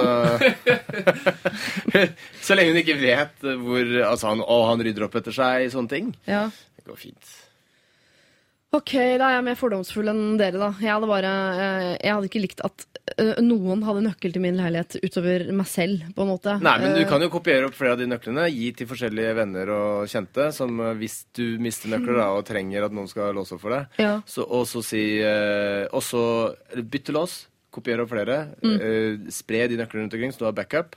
Og så har du Du kan ikke bare bytte lås uten Sett på sånn sikkerhetslenke, så er sånn saken biff. Ja. Hvis at det virkelig er en issue. Kan du ikke bare bytte lås? Du kan ikke bare blir større leilighet, nei. Ja, og så er det dyrt. Å, leie leilighet, ja! ja! jeg trodde det var eh, egen leilighet. Ja. Nei, leier. Jeg vil ha satt på sånn sikkerhetslenke, faktisk, sånn at når du er hjemme, så har du muligheten til å kontrollere hvem som er der, og hvem som ikke er der. Bortsett fra hun deler leilighet med venninna. Det er døvt når hun kommer hjem klokka tre. Ja. Nei, jeg er blank! Flytt, Siri Kristiansen. Jeg sier ikke tenk på det. Saken er ute av verden. Jeg spør min egen app. Vent litt. Dette er første gang jeg tyr til uh, den digitale versjonen av meg selv. Desperate means. Desperate. Hvis det står noe, noe greier Plan- her nå plan med nå. Spør meg igjen den må jeg tenke på. Skjønner du? Altså, til og med den digitale versjonen av meg selv klarer ikke å svare på dette. Nei. Da spør jeg igjen, da. Her står det Oi, kontakte CIA. Spennende. Jeg hadde lagt meg flat. Lagt deg flat. Oi! Hva er det for hun noe? Som å ligge med noe Det må jeg ikke gjøre. Du har ikke gjort noe gærent, så det Og ikke legg deg flatt for en fyr som vil massere deg med varme oljer. Herregud. Møkka-app. Eh, Nei, jeg elsker den. Kjære du, Ida. Nå skal jeg være så uh, mm, eh, raus som overhodet mulig er, basert på mine medrådgivere. Herregud, uh, han har ikke gjort noe gærent, og ingen har gjort noe gærent. Og han er bare en hyggelig fyr, og ikke tenk på det. Og uh, dette her, dette må du ikke gjøre noe nummer ut av i det hele tatt. Men jeg hadde montert et bitte lite kamera eller noe sånt inne på badet. Men det, det hadde bare jeg gjort, da. Lykke til, eh, Ida. Si hva du velger å gjøre, da. Send inn på mail til oss hva du går for. lralfakrøll.nrk.no er eh, vår mailadresse. Dette er Dette er P3. Foo Fighters eh, hørte vi med sin Arlandria her i Lørdagsrådet. Og det eneste som jenta står for oss å gjøre i dag, folkens, er å dele ut en Lørdagsrådet-kopp. Eh, vi har endelig fått disse koppene til bygget, NRK-bygget. De er Gått fra T-skjortekonseptet? Gått fra T-skjorte til kopp, ja. ja. Og den er så god å holde i. Altså, er en- det er en, jeg viser nå Jeg har et pappkrus selv akkurat nå, men tenk det er sånn svart skinn i bånn som Oh ikke blir varmt. Man kan Oi. holde på. Nei, det er, Ja, det er en bra kopp. ja, altså, en det er jo jo ingen som går med de T-skjortene. Det er vel ganske sikkert. Er det noen som har sett en sånn person som går med Lørdagsrådet-T-skjorte? Nei, Nei. det fins ikke, men P3-T-skjorte fins. Vi har P3-T-skjorte? aldri hatt Lørdagsrådet-T-skjorte. Ja, ok, P3-T-skjorte. Er det noen som har sett det? Ja. Eh, ja, Ja. men okay, kun dem som jobber i NRK. Jeg kom bare med dårlige tips. Det På uh... eh, treningsstudioen nede i kjelleren her, så ser jeg det til stadighet. Men uh, dere, dere skal bestemme hvem som da altså får denne koppen. Og kandidaten i dag er Vi har en uh, jente som lurer på om eksen har blitt gæren. Altså han, er, han har fortsatt kjærlighetssorg, og han har på et tidspunkt kjørt sakte forbi henne tre ganger når hun har vært på joggetur. Hun vil bli kvitt han og lurer på hvordan. Så har vi en dame som eh, sliter veldig med at det viser seg plutselig at mannen hennes har 135 i uke. Og hun bare hva? Var ikke jeg den smarteste mellom oss? Og hun måtte liksom revurdere hele greia. Eh, hun kan få en kopp. Eh, så har vi en som er en gryende forfatter, som lurer på om kan bruke historien om seg, sin oppvekst og sitt, eh, sin litt grusomme pappa som grunnlag for sin første bok. Eh, vi kan gi kopp til eh, han som eh, kaller seg for en litt sånn håpløs romantisk fyr, som sliter veldig med at kjæresten hans viser seg å ha hatt eh, 25 tidligere partnere i sitt liv. Vi har også en jente som bor med eksen, som lurer på er det noe jeg har opplysningsplikt for med til når jeg dater. Og til slutt også da denne jenta som uh, syns det er litt ekkelt at vaktmesteren har nøkkel til leiligheten hennes etter at han har kommet med noen litt sånn romantiske framstøt på SMS. Eller selvfølgelig også uh, kjærlighetspiken som er forelsket i sin fastlege. Uh, hvem fortjener kopp? Jeg, tenk, ja. ja, hva tenker du? jeg tenker umiddelbart hun med boka. Det var det. At ja. hun kan Alle er enige med en gang? Ja, men jeg, tenkte med en gang hun, vi leste, Du leste opp hennes problem, så tenkte jeg ok, her har vi koppen, liksom. Ja. Kan hun sitte og drikke kaffe av den og skrive bok? ja du, ikke sant? du får brukt den også. Ja. Det er ingen av de andre som uh, har tid til å bruke den der koppen. Laptop. Ja. Er det ikke te den drikker? Jo, Jo, det- med begge hendene. Særlig når du beskrev at du kan holde begge hendene rundt eh, koppen uten å bli varm. Ja. Da ser jeg for meg at hun må- sitter med liksom sånn, i sånn lotusstilling oppi sofaen og bare drikke den. Ja, men du må, du må huske at vi, altså, når man skriver også, så kan du ikke bruke to hender på kopp. Det er Nei, litt Nei, men du må tenke deg om innimellom. Da kan du bruke begge hendene på koppen. Du trenger ikke nødvendigvis å skrive mens du drikker koppen, spør, jeg, spør meg. Jeg kan godt uh, tenke gjennom Du kan også ha sugerør til koppen. Men det går veldig fint å holde med én hånd. altså folkens. Så har ikke meningen å, å late som om den koppen var eh, en sånn enorm Ja, men holde med en hånd og skrive med den andre, det tror jeg ikke Jo, det skal gå Jeg bruker bare én hånd på koppen. Hva? Ja, jeg også. Skriver du med en hånd og holder kopp med den andre? Nei, men når jeg løfter den da, og tenker, så holder jeg bare med Ja, ja, men du skriver ikke samtidig. Nei, sjelden. Ja, noen punktum og sånn går an mens man blir ikke touch, liksom. Det skjønner jeg. Men det går an å skrive. Men vi heier veldig på hun da. Ja, Vi- jeg, jeg, altså, det, det skulle jo sånn for, for bare diskusjonens del da, oppsummert litt flere folk og sånne ting, men jeg er enig, alle er enige. Er Ja, ja. det Men det er ikke sånn å trekke dette ut hvis Nei. dere er enige om at Forfatterspiret skal få koppen. som Eller har Veronica Orderud kan gå til når hun eh, kommer ut. Hun trenger jo, hun, kan, hun må kjøpe sånn startpakke på Ikea. Hun trenger jo Ah. kopper og glass og kniver og Ikke kniv, skje, Er det ikke noe, gaffel. Bare skjeer. ikke Sykt noe mye skjeer. arvegods? Det blir mye suppe i tida framover på Veronica. Eh, dere, da er vi enige. Jeg er glad for at det ble eh, Forfatterspiren som får denne nydelige eh, Lørdagsrådet-koppen. Eh, så tusen takk for det, og tusen takk for eh, gode råd eh, denne morgenkvisten i oktober. Takk Torkel, takk Linnea. Jeg heier på deg i kveld. Håper du vinner. Hva skal du danse? Eh, showdans, musikkvideo. Hæ?! Skal du lage musikkvideo? Ja. Si det før, da. Nå må vi gjøre alt om igjen. Nå må vi ha et helt annet inngangs... Ok, greit. Jeg heier i hvert fall. Og takk Jonas Synge Bergland. Skal du ha show i kveld? Jeg skal det. På Latter? På Latter. Halv sju. Dr. Bergland og Den alternative medisin. Kom og se! Kjempegøy! Ha-ha-ha! Så i kveld har du muligheten til å velge mellom om du vil eh, se Linnea eller se Jonas Bergland. Eh, hvis du vil se Torkel Risan, ja, så håper jeg du er vaktmester av nøkkel til leiligheten hans. For da er det bare å låse seg inn. Eh, Hvis du vil eh, laste ned dagens sending som podkast, så gjør nå for all del det, da. Det er gratis og ekstremt tilgjengelig. Og gå inn på Facebook og se på bildet av dagens rådgivere. Det er et fint bilde, vil jeg påstå. Torkel, du er jo overraskende øh, fotogen. Det sier du alltid. Ja, men du er alltid, alltid veldig veldig fin på bilder. Jeg vet ikke hvorfor jeg sier overraskende, for det er ikke noe overraskelse i det hele tatt. Men du vinner stort sett de bildene vi tar. Eh, vi snakkes. LRAfakrøll.nrk.no er adressen du når oss på med dine problemer. Eh, nå er det straks nyheter, men før nyhetene så får du en musikalsk liten godbit. Darth Vader, High As A Kite får du her. Ha det! Dette er Lørdagsrådet På P3. P3.